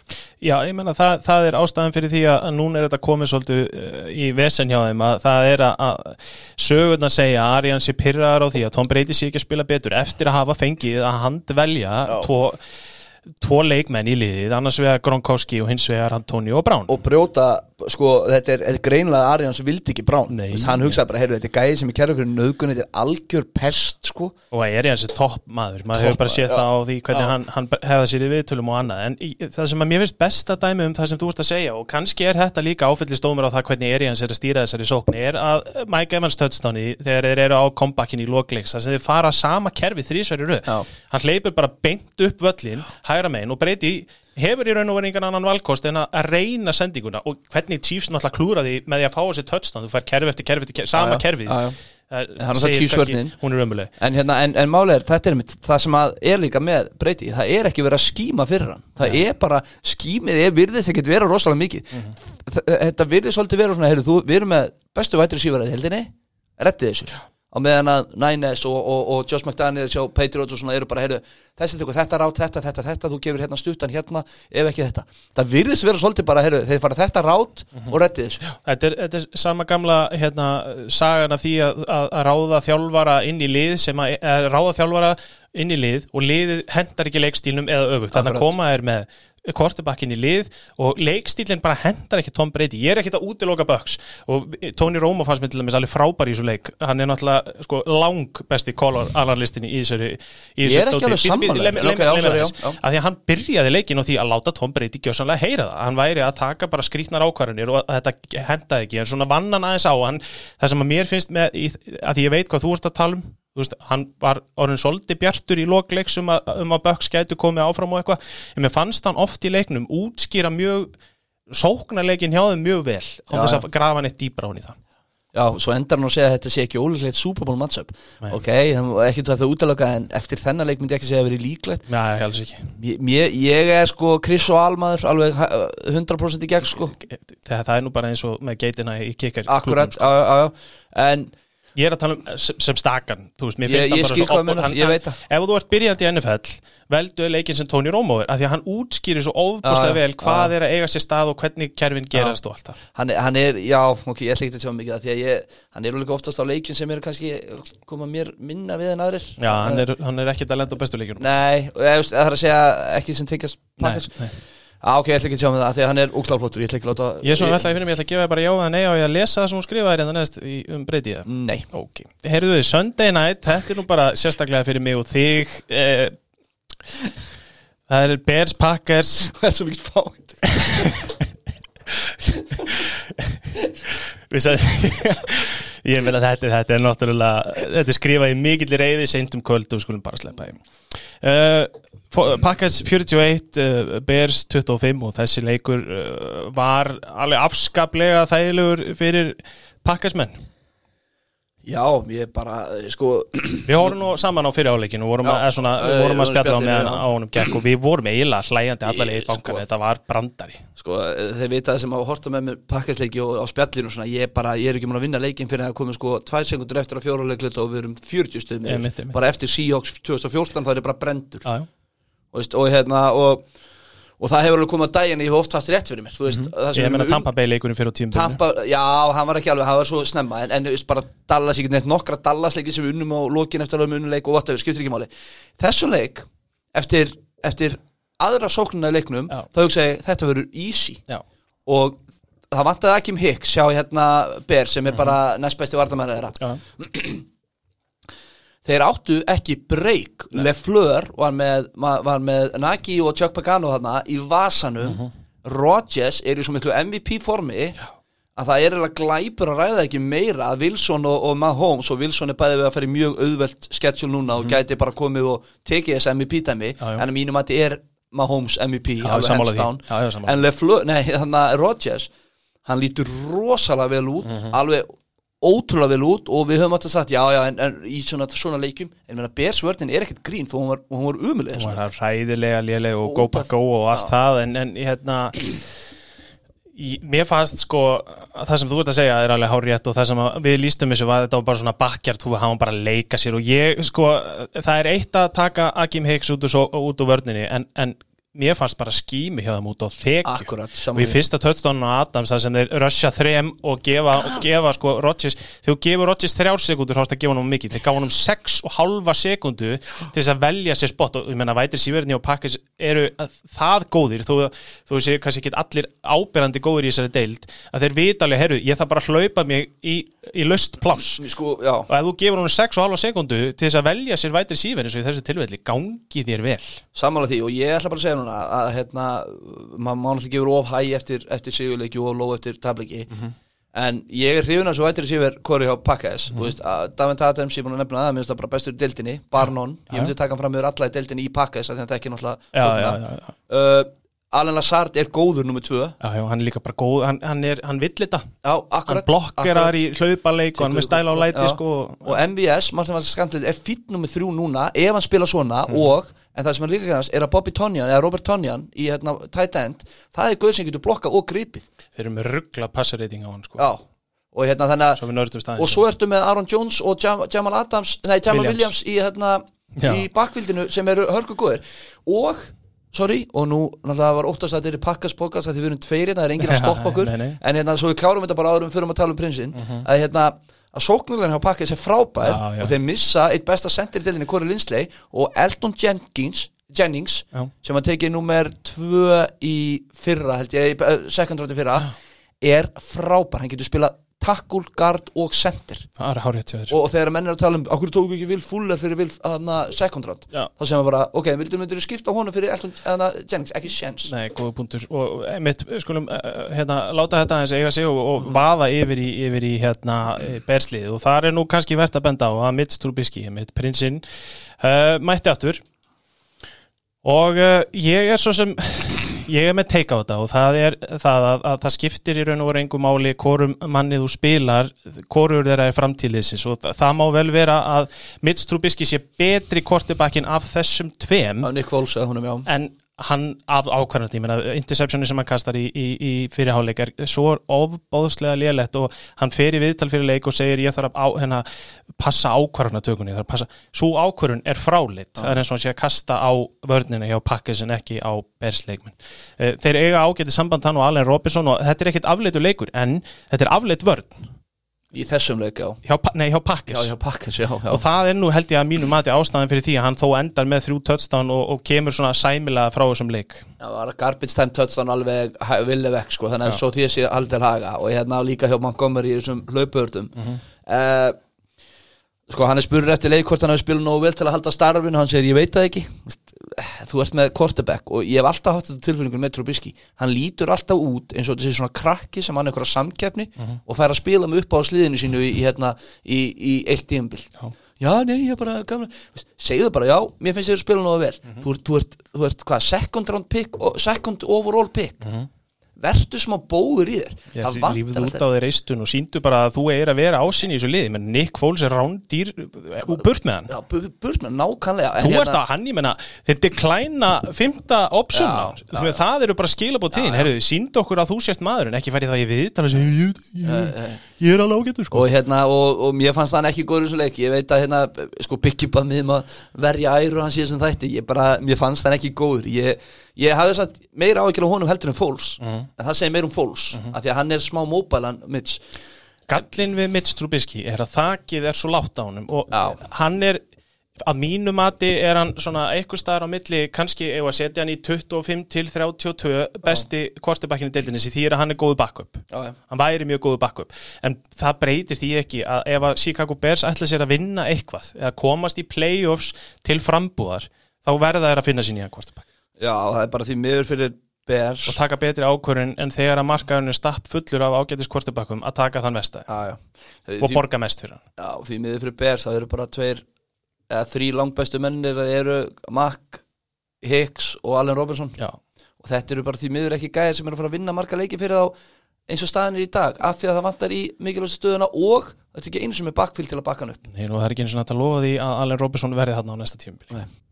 þá eigum við í raun og veru bara eftir síðasta leikin og það er uh, Philadelphia Seattle Seahawks og ég ætla ekki einu svona að fara í, í felum með það að hvora voru okkar sá þennan leik kannski eðlilega. Ég sá fyrir hálfleik þú sást fyrir hálfleik, yes. það er svoleiðis. Ég horfði nefnilega á fyrir hálfleikin á þessu já, já, takk fyrir en Og þetta var agalegt í byrjun. Báða sóknir hræðilegar. Núl, ég sá einmitt, ég var nú reynda vakandi en ég var ekki að horfa á þetta og ég sá að það var 0-0 bara langt frá hvað í annan leikluta Já, og Seahawks klikka á tvís var á fortán í fyrsta leikluta Mhm. Þú getur liftir að klúra fortán þegar þú ert að móti svona sóknir svo Eagles er þessa Já. dagana. Og hérna og það sem ég tók út úr þessum leik er að bara ég sé svo mikið mun á vörninni hjá Seahawks eftir að þeir fengu Carlos Dunlap ég búin að nefna það Já, frá Bengals. Við sko miklu meiri pressa uh, hjá honum. Svo er Chris Carson komin aftur til hana Seahawks Mhm. sem að skipti miklu hlauparegnum. Hann enda með ykkur á 70 skrimmits Já. er það og komið tilbaka með touchdown. Eslum Já, og bara DK Metcalf er skrýmslan enda með 177 hjarta í þessum leik. Það verður ekki þreytt að benda á það. Og, nei, og ég fór að hugsa að það er ekkert margi með betri vopn en, en hérna Russell Wilson í kringu sig Hann er náttúrulega svakalegur DK og eins og við segið, Tyler Lockett er hann og hann er alveg komin bara töluðarnas eru alveg fráleitt lélegar eftir að Metcalf varð svona mikill ásjá. Já, hann, e, Lockett er annarkvort með sko 150 pluss hjarta eða 20 hjarta Já, sko þrjá gripna fyrir 150 ördum og Já, 10 touchdown já, reyndar, já. En Metcalf er náttúrulega bara svolítið búin að taka yfir þennan langa kastleika mörgu liti vegna þess að hann er bara skrýmsli og hann þarf, Lockett er oft gal opinn þú veist, hann hleypur svo hratt að það er mikið pláss Akkurat, akkurat. DK er í þessum contested catchum hann með 10 grip fyrir 177 ördum gjössanlega trilltur. Og ég er alveg sammálaðir síjóksvörnin er, er bætt og við þurfum ekki að ræða Eagles, eina sem að mér fannst fyndi var að ég sá á símanum og ég fekk notification sérstaklega um það að Jalen Hurts væri komin inn og þá hafa allir haldið, aðja, Já, Vents á bekkin hann endist eitt play. Já, sko og kastaði því og hitti leikmann sem var nú meira en Carson Wentz var búin að gera held ég allan tíman að nú undan. Sko, ég eins og sé, ég horfði á fyrirháleikin svo horfði á highlights af þessu og hann enda með 250 hjarta og 2 touchdown interception hann, Wentz. uh, Þeir eru með um ykkur garbage time Já, já, eitt Hail Mary Já. Þeir eru með, já, Hail Mary er náttúrulega bara Á okkar mann. Richard Rodgers. Richard Rodgers, herru yes. En menn voru að tala um á Twitter í dag að bara ef að ef það veri, hérna, ef að Trubisky fengi jafn mikla svona afsakanir og vens Mhm. þegar verið að tala um hvaða menn hann er að henda á að það væri bara eiginlega sangjant því að Carson Wentz það er eins og henni í hlut í NFL eða eitthvað, eitthvað það verist engin vera tilbúin að henda hann fyrir rútuna. Nei. og þetta Monday Night Crew ég er ekki að að gefast upp á það. já, ég er eiginlega að gefast upp að þetta er svona eins og þetta eru, já, þetta eru þrýr pappar svona dad jokes að fljúa þarna það er eins og ykkur hafa sagt og heyrðu skiptir eiginlega máli, er bara alla skiptir ekki máli hvernig þú lýsir leiknum á meðan eru bara alltaf að svona aðeins smá smá bandir Mhm. og mm joke og svona, ég þólið ekki. Og mér finnst þeir bara ekki góðir og þeir voru alltaf bara, já, myndu hendunum til rútuna. Nei, nei, hérna skipta, nei, ég myndi ekki skipta að leiða honum að gera. Af hverju á vend svona mikið leverage skilið? Ekki veit ég það og það er alveg rétt sér ekki á hann en á Super Bowl titil. Hann svo sem stýrði langleðina í playoffs en þetta er alveg rétt og það er löngu komin tíma á að henda hört bara inn á og sjá hvað hann getur. Og talandi um þjálfara þá er Doug Peterson hlítur að fara að vera valtur í sessi. Eins og við nefndum í hérna, síðast þetta Frank Reich átti greinlega mikið meira en, en, en ekkert í þessu lið Já, heldur betur. Herðu, Já, ég var að veltaði fyrir mér hvort að þú vildir ekki hoppa yfir í spurningar sem við fengum eh, sendar eða svona umræðu punkta sem við fengum senda að því að við vorum nú t- tveminningur hérna var það ekki þetta. bara ein spurning? Já, já, allar, viltu, já ok, við tökum þetta. Hérna, það er sem sagt Við fengum eina spurningu sem var á Twitter sem var hvaða þjálfara skipti verða næst og það bannaði sig Adam Gaze því hann er of augljós Við vorum að ræða hans fyrir þátt og sammála um að Anthony Lynn væri næstur Það er held ég skrifaði skín, já En ég meina, ég gæti nefnt Matt Nagy hjá Chicago Bears. Við gætum Doug Marrone hjá, hjá hérna, Jack, uh, Jacksonville. Undir öllum eðlilegum kringustæðum verða sennilega sjöpláslaus sem er ekkit nei, NFL, nei, við höfum nei. séð það áður. Svartur mánudagur hérna En Já. svo getur Doug, Doug Peterson hjá, hjá, hérna, hjá Eagles. Mhm. Hann getur verið, verið reikinn, leikandi. Ég hef hent Sack Taylor inn inn og er enda Matti duglegastu við að henda Sack Taylor inn það er alveg möguleiki líka já, því bara ein, ein, einungis Bengals. vegna þess að hann hefur nokkuð ekkert sínt Nei. en já, ég hef ekki að segja Linn og já jú, Ég, Linn er augljósasti kosturinn af mínum að því ég meina það er bara að fara að líta svo ítl út sko. þetta er bara, þetta er miklu betra lið en rekordið Já, sínir, já. miklu betra og þá er þetta sem ég nefndi hana, hana sem við erum búin að nefna þinn, annað er nokkuð örugt ég meina, Denver Broncos er ekki að fara að losa við Vic Fangio, Nei, veist og, hérna, og það er svona liðið sem er hvað næst þessum, það er ekki séns þannig að þessi ekki þessi það verður bara átta um, sem að eru bara uh, mjög verðskuldandi að- á þeir eiga skili að fá starfi í deildinni eins og Erik B.N.M.I. Ég menna Erik B.N.M.I, Sala, uh, Brady hjá Já, Panthers sem er bara offensive coordinator fyrsta ári. Það verður spennandi að sjá hvað hann endar það er hellingar möguleikum og svo kannski er að koma ykkur ný tískubilgja eftir að rúlar standa sér vel hjá Panthers og var eitthvað þetta sé ekki sérst þetta En hann er samt svo sérstök saga vegna þess Já, hvað já. hvað hann hefur byggt já, já, en við tekjum bara, veist Já, það er copycat upp eftir hinum, sko. Heldur betur. Ef að vaða í spáskjali eða var eitthvað meira? Það var, við fengum pælingu í gær Mhm. hvaða, að því að Denver Broncos vantaði QB um helgina. Já, þá voru spurðir hver af okkur fjórum í þessum þætti já, er Það er nú svo sem ekki löngum ræða Nei, það, og Þorkell Magnússon var fljótur að benda á sjálf á sig þar sem Já. að hann hefur handbóltabakgrunn Íslandsmeistari í handbólta Íslandsmeistari í handbólta, hvorki meira en að minna þannig að við ætlum að taka akademíska ákvörðun og Þorkell Magnússon verður QB 1 hjá 10 jördunum Já. Er með góða hendi sko og, og get líka hlaupir hætt Ég geti hérna, hlaupið mig úr vesinni þó svo ég sennilega drefin Svona mér spurum um daginn uh, Pappi, hvað stöðu verður þú þú verður veitir Að þú væri vætir sífur Nei, ef, ef þú verður í NFL og ég hugsaði bara að ég get ekki svara þessu sko. ég, Í fyrsta leið er ég alltaf smávaksin í dag er ég alltaf feitur og hægur. Ég hugsaði að ég væri gamall. ekki- Já, já, alltaf gammal Við höfum margótt að þetta byggi væri náttúrulega háa sinn og, og væri bara tight end og Já, ég sé bygga fyrir mig sem svona special teams coordinator en það er nú koordinator Já, bara hliðin ég, ég sá Tim fyrir mig það sko Timbo í special teams Með það sko. Eitthvað svona sjúkt Já. rugl sko. Mikið að fake pöntum og kicks og bulli sko Já, Ég skal vera head coach Gaman að ég sé Ég er einhverjum sem má sensa á að vera leikmann Já, ég er head coach Ég skal vera head coach Mhm. Timbo er hérna offensive coordinator Já. og hendum bygga í Peppar hann, hann er hérna gauðin þétti sem er alltaf að halda Sjón McVay frá því að Biggi lappin á er einn af þessum sem heldur á boltónu fyrir utan. Í þarna bestunum exinu Ok, já, ef að fara í spáskjali og ég er þá quarterback Tjúsis, wow, maður, við, við, við, sko, við myndum vera inn í einum hálfleik sennilega á tímubili Já, ég meina, þetta er ekki svarut Herru, það er engin 15. leikur COVID eðlaði það fyrir okkur. Á bæviku eru En það er miðvíkudasleikur það er já, sem er náttúrulega partur af þessar umferð sem við erum að fara yfir. Það er náttúrulega, já. förum ekki yfir hann augljóslega í dag ef hann verður þá yfir höfu spilaður og hver sem spilar það. Jésús uh, á, Já, á bæviku eru, eru Tampa Bay sem er kannski ágætt og, og Panthers fyrsti leikur á sunnudag klukkan 6 er Cleveland og, og Tennessee Titans. Við erum, eh, held ég, svolítið sammála svona almennt í þessu skjali, þetta er aftur svona svolítið þannig vika, við erum farin að þó svo reyndar að þessi vika sem að var að líða hafi svolítið tekið okkur, eða svona komið aftan á okkur, þá hérna er, eru leikir sem að svona sérstaklega í fyrirklukanu sem eru svona ættu að vera nokkuð þægilegir og þar er, er eins og ég segi, Cleveland, Tennessee og ég held að, að Tennessee Titans klárið þennan leik hvernig sem hann fer, einhvern veginn verðast Cleveland alltaf verið inn í öllum leikum. Ég er sammála því og, og eins, eins mikið og mér finnst típist að Cleveland getur tapað öllu þá er líka típist að það getur unnið allt maður veit einhvern veginn ekki alveg hvað maður hefur þá en ef, ef að Cleveland Browns verða 9-3 í leikurku 13 Mm að þá hérna það kemur mér verulega óvart. Já, einmitt og þú veist enn og aftur á, þó svo að Derek Henry sé nú ekki kannski með marga hundra hjarta leiki á þessu tífumbili þá er hann bara bestur þegar líður á tífumbil hann er díselvél, sem murder hann er það.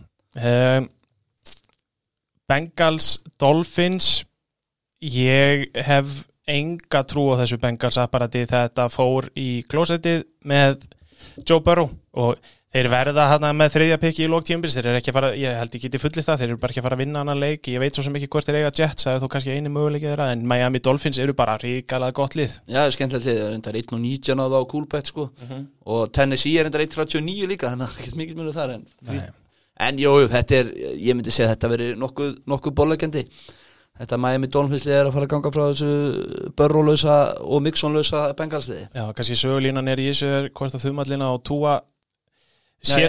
Ég held að hann spila ekki næst hann spilar ekki næst Nei, mér minnir að hefur séð aukstar þó ég fullir ekki en ég held að skipta einhver máli þessu Nei, en eins og við segjum, það virðist líka vera þannig að þegar túa fyrir inn á þá bara eh, leggja þér meira í vörn og, og special teams sem Já. við höfum sagt og þá, þá klára þau í þess, þessa leiki uh, Við erum allir með Finns, ég veit ekki hvort ég er búin að segja það Dolphins sí. og línuna Næsti leikur er Las Vegas Raiders kallaðir Ligararnir á móti New York Jets og uh, ég, enn og aftur þannig við með sko, þrjá eða fjóra leikir við það sem að ég menna Raiders gætu ekki beðið um betri leik eftir að hafa verið teknikjössanlega og urðaðir að Falcons. Nei, þetta er svo áhugavert sko hvernig NFL ræða þessu. Þetta eru rosalega það eru þarna þrýri röð sem við erum að fjalla núna sem eru bara svona slöglið að spila. Ég meina það er bara Bengals núna Jets, Jets geta náttúrulega ekki neitt Raiders geta ekki annað en unnan leik getur ekki verið saman á því? Jú, jú, jú. og hérna þeir rúlið við það þannig að við þurfum ekki að ræða það neitt mikið Nei, meira. nei.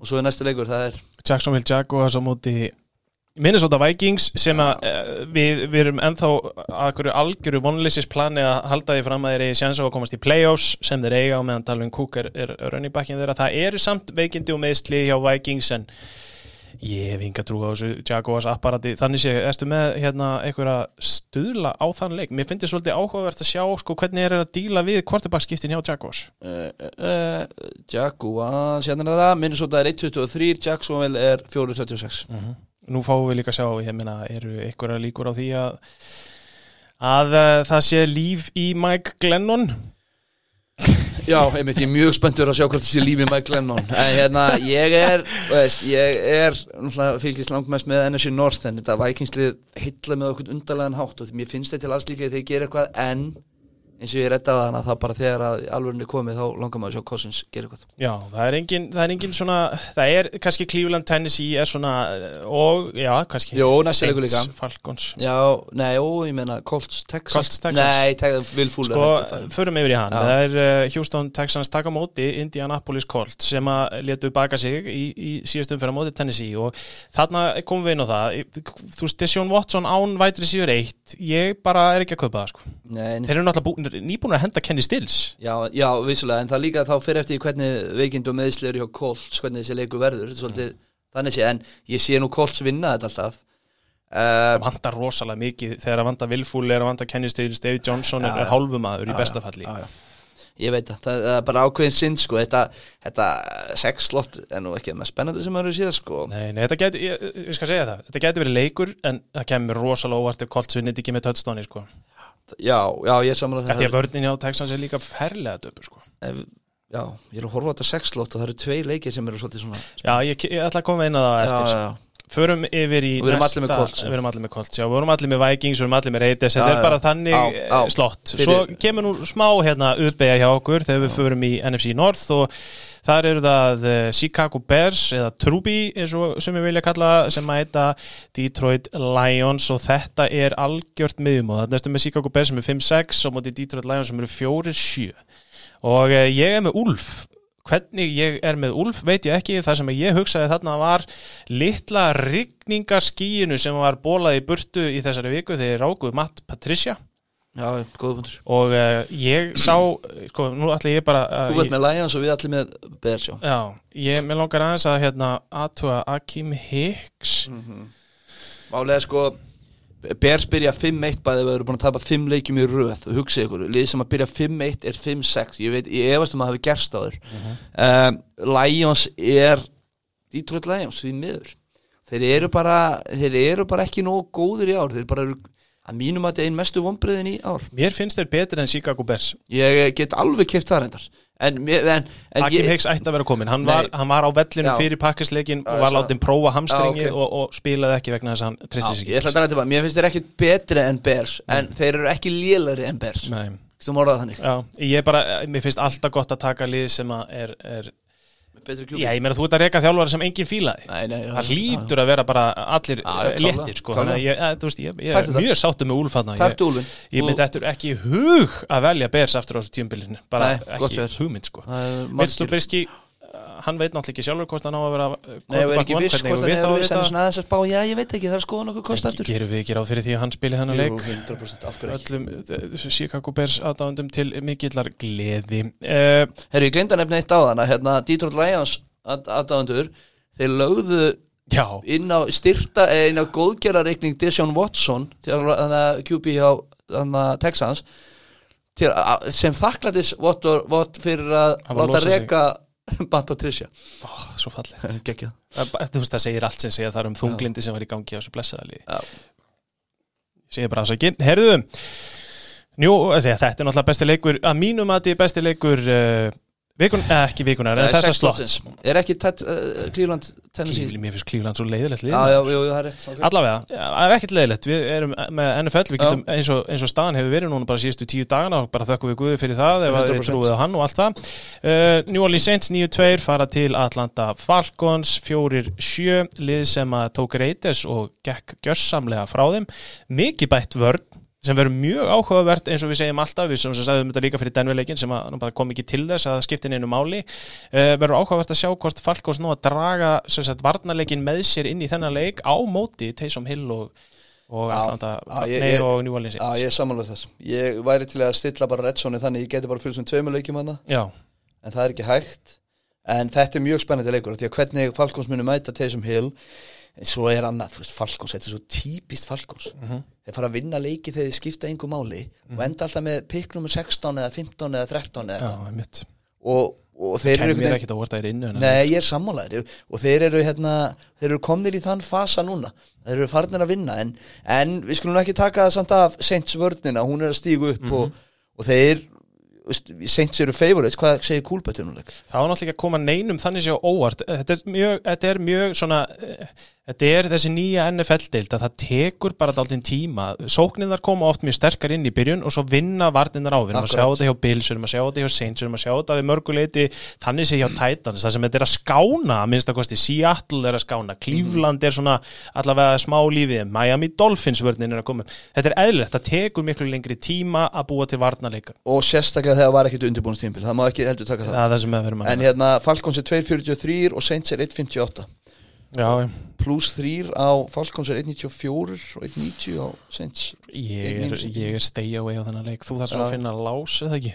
Jú, ég hef komið láskallið mér Það er svolítið Nei, heldur ekki. Setniparts leikirnir eru eh, líka áhugaverðir. Er Nei, annar þeirra. þa- Jú, það, það er alveg það leikir hérna. Já. uh, New York Giants 4-7 í efsta sæti í sínum á, afar áhugaverðar reyðlega ekki á móti Seattle Seahawks 8-3 við erum allir með uh, Seahawks þar. Já. Ég veit ekki alveg hverja sögulínunar eru hérna annað en það að, að ef Seattle Seahawks er í líkil stöðu í sínum riðli komnum svolítið geta sett hérna sko, eh, ég ætla bara aðeins að hoppa niður. Hinn leikurinn er, er Rams Cardinals sem er í sömu eh, sama riðli og það skiptir svolítið máli fyrir Seahawks að eh, segjum að Rams vinni Cardinals og, og þá eru þeir búin að jafna Seahawks ef þeir fara að skýta eitthvað á sig á móti Giants. Skilur hvað ég á við, já, þá er þetta já, aftur en bara þeir geta haldið þessum leik sem þeir eiga á Rams með því að vinna bara þennan leik nokkuð örgulega Akkurat. Og ég hef trúið að ég geri það um, Daniel Jones verður líklega ekki með það er, ég er bara, ég meina, hann er tóknar aftan í læri, já. við fáum að vita það væntalega bara í vikunni, en eins og ég segi, meina, það, þú færið ekkit fjóra vikur til þess að jafna þig aftan í læri Nei, nei, nei, nei. og Giants eru bara hugsa ábyggilega bara, heyrðu, fínt við erum með mjög fá að sigurleiki, fyrir bara í playoffs why Já? Og ef að Seahawks klára þetta sem þeir eiga að gera þá eru þeir komin í 9-3 Já. Ásamt þá nokkrum liðum mæntalega þetta, þetta er svolítið spennandi að á topnum Mhm.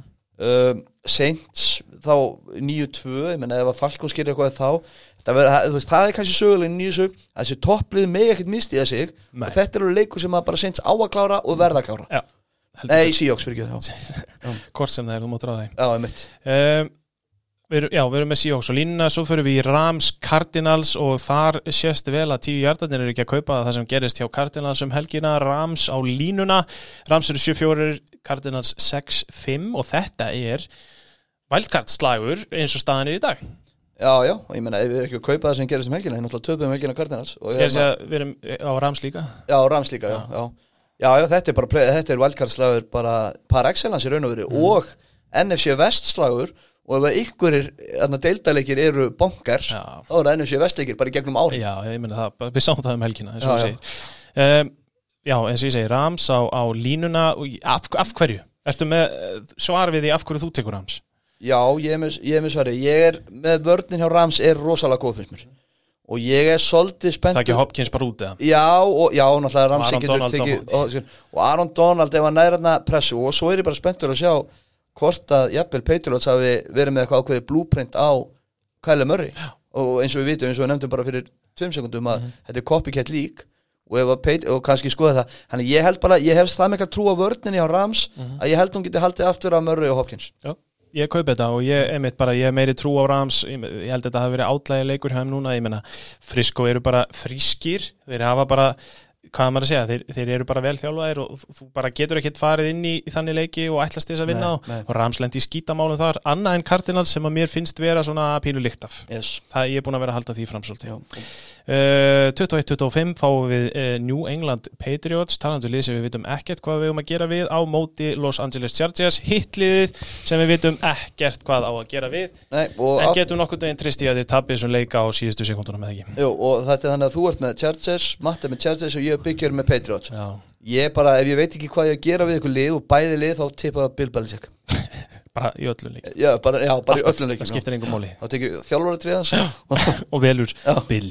Uh, Valit og ég, eins og ég segi, ég set nú spurningamerkið fyrir aftan Chargers, það er náttúrulega fráleitt að vera að taka þá yfir höfuð en ég meina eins og ég sagði áðan, Nick Bosa átti frábæran leik Cam Newton er alveg gjössan út og þykju, ég trúi því bara ekki að þeir eigi marga svona leiki í viðbót inni. Meni. og mér finnst Herbert skemmtilegur ég held að að við munum sjá kannski svona þetta er ekki leikur sem að leikirnir sem mútið Ravens og núna um helgina sem að Patriots hafa unni eru svona leikir þar sem er gott að peppa sig upp og ja, na, vera með smá vesen. Já, já, já. Chargers er ekki þannig leikur. Ekki þannig fyrir mér. Nei, nei, ég skil komur Heru, svo mætir uh, stórlið Green Bay Packers, þeir eru á heimaðalli 8-3 á móti við bjóðunum sem Philadelphia Eagles eru 3-7-1 það er Go Pack Go á línuna. Við höldum allir með Packers í þessum leik uh, við varum nú með augun á þessu. Kannski ekki af því okkur langar til þess heldur meira til þess að, að, að því við höldum með þeim eða ekki? Ég horf alltaf á alltaf að pakka ekki og það er bara, þeir vita að sem komið heima eða pakka þá skýtur einhvern veginn hver hinleikin eru það er ekki drett són uh, Ígors hafa verið erfir fyrir okkur gengum tíðina, töfum alltaf fyrir mig fyrra fyrsta leiknum, þannig að þau fórum í fjögur eitt. Uh, en ég trú ekki öðru en að þeir klára þetta og ég ætla ekki einu svona að setja ykkur að varna klá já, þetta er game. Þetta er það ekki. Nei, þetta er það ekki, þeir, þeir eiga að vinna þetta og gera það. Einu líkundar eru að þið takja ykkur svona seinbúna ákvörðum um að starta Jalen Hurts. Það verður alltaf game þegar að svo breyting verður. Af því að þá ertu komið með einhverja algjöra nýja þú veist, þú ert ekki að setja bara einhvern kastara inn og ég meina við höfum nú síðan hlaupavörnina hjá, hjá Bay Packers yes, Night Football er ekki að verri endanum þessa vikuna. Það er Denver Broncos á móti Kansas City Chiefs. Hvað mennur við? Uh, ef Chiefs 10-1 og eru að mínum að þið sko ekki bara besta lið deildarinnar heldur lang, lang besta lið deildarinnar Sammála á móti Denver Broncos sem við sjáum nú til þeir eru að búa, búa hérna útskrifað á alla úr, úr COVID-prófum Já, ok nú geta þær valið einn af þessum þremur sem eru þó allavega ekki með COVID Mhm. og uh, mér skilst að Drú Lokka að spila hann leik sem er frábær, þá er þetta er að horfa á þetta og ég meina vörnir hjá Denver getur alveg hrokkið í gýring, við, við vitum það allir en það er bara ekki hægt að stoppa þess að Kansas City svo, svo. þú veist, þeir reyndi eins og ég glemd að nefna það þegar við vorum að tala um Tampa, Kansas þeir eru með bestu hlaupavörnina í deildinni þeir reyndi ekki einu svona hlaupa á Nei. og það skipti engu máli Nei. Patrik Mahús sem bara trilltur gæði Mahomes er bara, eins og ég sagði um daginn þetta er bara, hann fyrir niður sem best í sögunni Já. ef hann meðist ekki á Guðlóður og allt svo veist, ef maður ætti að reyna að búa til eitthvað sögulínu þar sem þetta gæti mögulega verið eitthvað trap game sem er það er ekki, þá er það að Denver Broncos völdin er lífleg Já. og hún er bara vel mönnuð en þú veist þetta verður held ég bara nokkuð þægilegt ég, Já. með minnir ég hefði séð eitthvað að vera sko 13 eða 14 stiga lína. Já, það segir allt sem segja þarf held ég. Það er bara, uh, bettsíðunar eru búinar að gefast upp á því að gefa Chiefs eitthvað stig. Þeir Já. hakka svona leiki en svo kannski að þetta benda það að þeir hafa nú ekki beint verið að klára leiki mjög stert Nei, nei, nei. núna um helgina er átt að vera lungu búinir að skora 50 stig á þetta Skil, tampanið Ég skil sko. ekki ennþá hvernig það var leikur. Mánudagur, tveir leikir. Já, tíu og eitt. Yes, klukkan 10 er Washington fútbóltím á móti Pittsburgh Steelers. Gerum við ráð fyrir uh, þá sem alltaf eftir að koma í ljós af því að það er nú ekki ennþá búið að spila þennan blessaða leik sem á að fara fram á morgun sem er Ravens Steelers. Uh, Steelers er náttúrulega 10-0 og uh, ég gerir fastlega ráð fyrir því að þeir verði 11-0 þegar að þessum leik kemur. Við erum eh, kannski ekki nógu góðir að fara yfir hérna Chiefs á línuna og hér erum við með Steelers á línuna eitthvað um það að segja? Nei, bara að, Þetta er bara svipað svona og í raun og veru svipað á Saints-leikurinn á móti Giants Mhm. Þetta er bara leikur sem þeir eiga að klára Í ykkurum skrítnum eh, veruleika þá gæti fútboltím beitt um leik Mhm. En ég hef ekki mikla trúið og þeir eru að klára þetta næsta öðrulega Já, eina sem að maður svona kannski, maður hugsa til James Conner sem að er náttúrulega sjúklingur og Já. er með COVID Já. og vonum að hann hérna skrýði nú út úr þessu hýði. nákvæmlega Uh, Setileikurinn klukkan kortir yfir 1 er Buffalo Bills 8-3 á móti San Francisco 49ers talandi um trap game finnst Ég er bara mjög spenntið fyrir svona leik Já uh, Ég Þetta er spilað í Arizona bæði við af Því að það má ekki spila í Santa Clara Já, já, já, já, það er reyndar Já. eitt sem við höfum ekki rætt Nei, Það er nei. þetta að nú er Kalifornía að loka á það að Frisco geti verið á sínum heimaæfingavelli og spila sína leiki á heimavelli og uh, þetta er heimaleikur innan gæsalappa fyrir 49ers og þeir eru vel pyrraðir, maður heyri það á því þeir Já. eru bara pist yfir þessu og við vitum ekki að þá held ég, held sé ekki búið að velja nákvæmlega hvert er ég að fara Við erum farið til Arizona held ég. Það er svo leis. Já. Ég hef búin að heyra eitthvað, eitthvað fótballtafætt í Sandíego og Já, alls konar hugmyndir á lofti sko. Já, allavega þá hérna ætla ég bara að hafa trú á mínum mönnum í Buffalo Bills, minnst vörðin hefði verið að stígu upp og Nick Munnins getur nákvæmlega ekki neitt fyrir mér, minnst hann bara lélugur Bills höfnið í hodnið í þessum þætti tekur Bills og ég og Matti tekur Niners. Já, ég meina Bills vörðin síndi mér allavega líf. Mhm. og þeir eru bara ég meina Dolphins er bara á hælunum á þeim í reilunum, þeir eru verið að vinna hann leik. Ég, ég varst um að Frisco eigi annan svona leik inni er hams bara er ekki að trista á ég, sömu hluti? Ég er bara að hugsa um þjálfara teimið hjá Niners og ég held að ég geti kúkað eitthvað upp á þessu í, í uh, Shanahan og er Salah. mikill þjálfur, Buffalo Bills þjálfur liðsmaður, Já, Dable og, og, og er- Þetta er bara áhugaður leikur. Er það. Mér finnst þetta báðir þessi leikir áhugaður Bæði fútboltím og hitt en, en Ég var til að svissa og geti ég séð uh, Bills Niners klukkan 10 Það hefði verið helviti nett. Ég, ég er hérna Þú ert mikill náttúrulega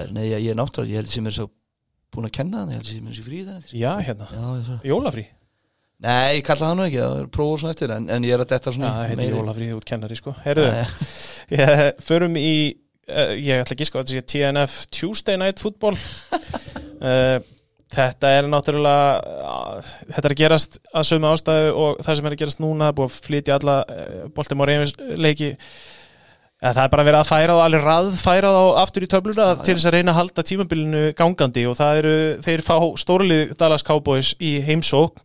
Uh, Baltimore Ravens eru náttúrulega bara í tómu ruggli og ég gerir ráð fyrir því að, að ég bara segja það hreint út, ég gerir ráð fyrir því að tapi núna mútið stílis og verði þá 6-5 Já, og uh, þetta er kannski í rauninni við sáum hvort að Lama Jackson verið komin aftur og skiptir náttúrulega öllu mál en þetta kápusli getur ekkert þannig að þeir verða í- fá tjens og að bánsa tilbaka og, og vinna sjöndalíki sinni já, já og, og fyrir svona smá undir ratan en hvað Ravens er raun og bara búið að vera arfa slakir og ég þú veist, auðlesnir auðlesnir og bara þetta er lið sem að margi voru með í Super Bowl það er með ég, bara í Super Bowl þú Já. veist, bara heldur myndi komast yfir hérna núna en, en, en þeir uh, rúli gegnum Cowboys hvort sem eru með uh, Griffin eða, eða Lamar held ég sko Samanlega því.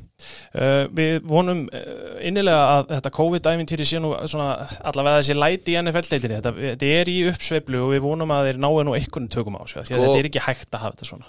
Nú tala ég á smá fáfræði því ég veit ekki alveg hvernig staðin er þessu núna en það var að vera að tala um að geti jafnvelur að byrja að bólusetja í bandaríkjunum í desember Já.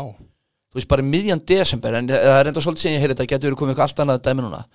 Ég spyr, er ekki hérna NFL-leikminu eru framlínu starfsmenn í, í bandaríkjunum? Það er eitthvað sem að, ég menn við það síndi sér bara hvernig þeir keiftu upp alla markaðina prófum. Já, og ættu við nú að geta sett sér í sambandi við eitthvað. sér ekki, já, biljóna dollara eigandunir að gera Já. eitthvað í sínum. Já, Ég, ég ætla nú ekki að fullera, ég efast stólega um það en hérna, það væri heppilegt fyrir okkur sem erum að halda út í podcasti og elskum að horfa NFL að hérna, framlínu starfsmenn NFL-deildarinnar sem að Eru við ekki líka framlínu starfsmenn af því? Jú, ég meina við verðum að geta komið hérna vikulega. Hvernig á fólk annars að lifa vikuna? Ég skil það ekki. Heyrðu þið, að lokum að þetta er nú liði Já, við erum með reyfins á línuna. Uh, Þá uh, sendi ég skilabóð á minn mann MC Gauta. Uh, Það var nú bara sögur þess að mér finnst uh, framtaki hjá hann frábært. Hann er að safna pening fyrir barnaspítala ringsins og við ætlum að ljúka þætti á lægi frá okkar manni Hann var að gefa út jólaplötu í dag. Ég er að reyna að finna þetta hérna sko. Þetta er lifandi, lifandi útvarp. Við ætlum að enda þetta á hjálpum mér og bara hvetja fólk til þess að styrkja gott málefni og bara um jólin ef þið hafið tök á því. Þetta eru nú jól sem að þú veist að fólk er atvinnulegst og það er vesinn og þið hafið tök á því að styrkja gott málefni þá hvetjum við ykkur til þess og ég segi bara valið minn. Ég vona að þetta gerist aldrei aftur vegna þess að ég elska matta og, og, og bygga en þetta var mjög að Ótrúlega. Já, bara, ég átti ekki vona á þessu. Herru, ef ekki að hvað þetta bara eins og byggi Takk, takk, uh, bless, Ég veit að mörg ykkar hafa haft það erfitt þetta árið en enginn ykkar hefur haft það jafn erfitt og ég. Líka svo þetta stöðun sem ég fæ frýtt í er lokuð og ég er komin á bíl sem þarf að stinga likli í. Og ég er ekki eins og við hita í stýrinu lengur. Gleymd ekki elsku MC bróður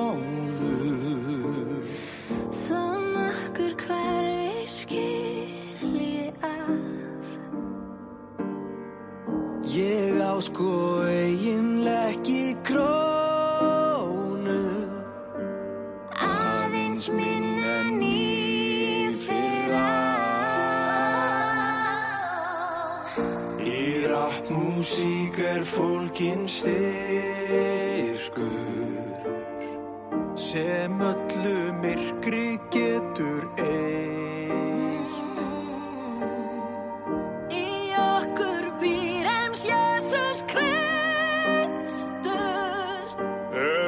kyn getur leitt Á skjánum byrstast myndir.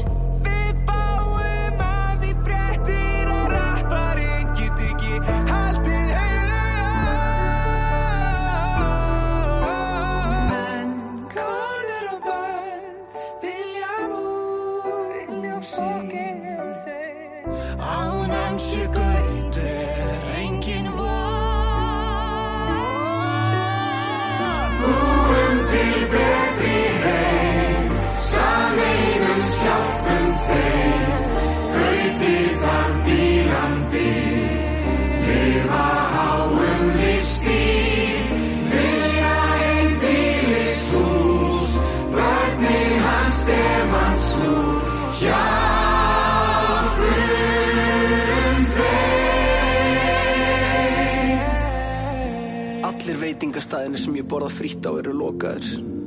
Þeir bjóða reyndur upp á heimsendingu en vitið hvað matur verður kaldur í heimsendingu. Ógeðslegt. Á skjánum byrstast myndir Við fáum af því fréttir að raparinn get ekki kemur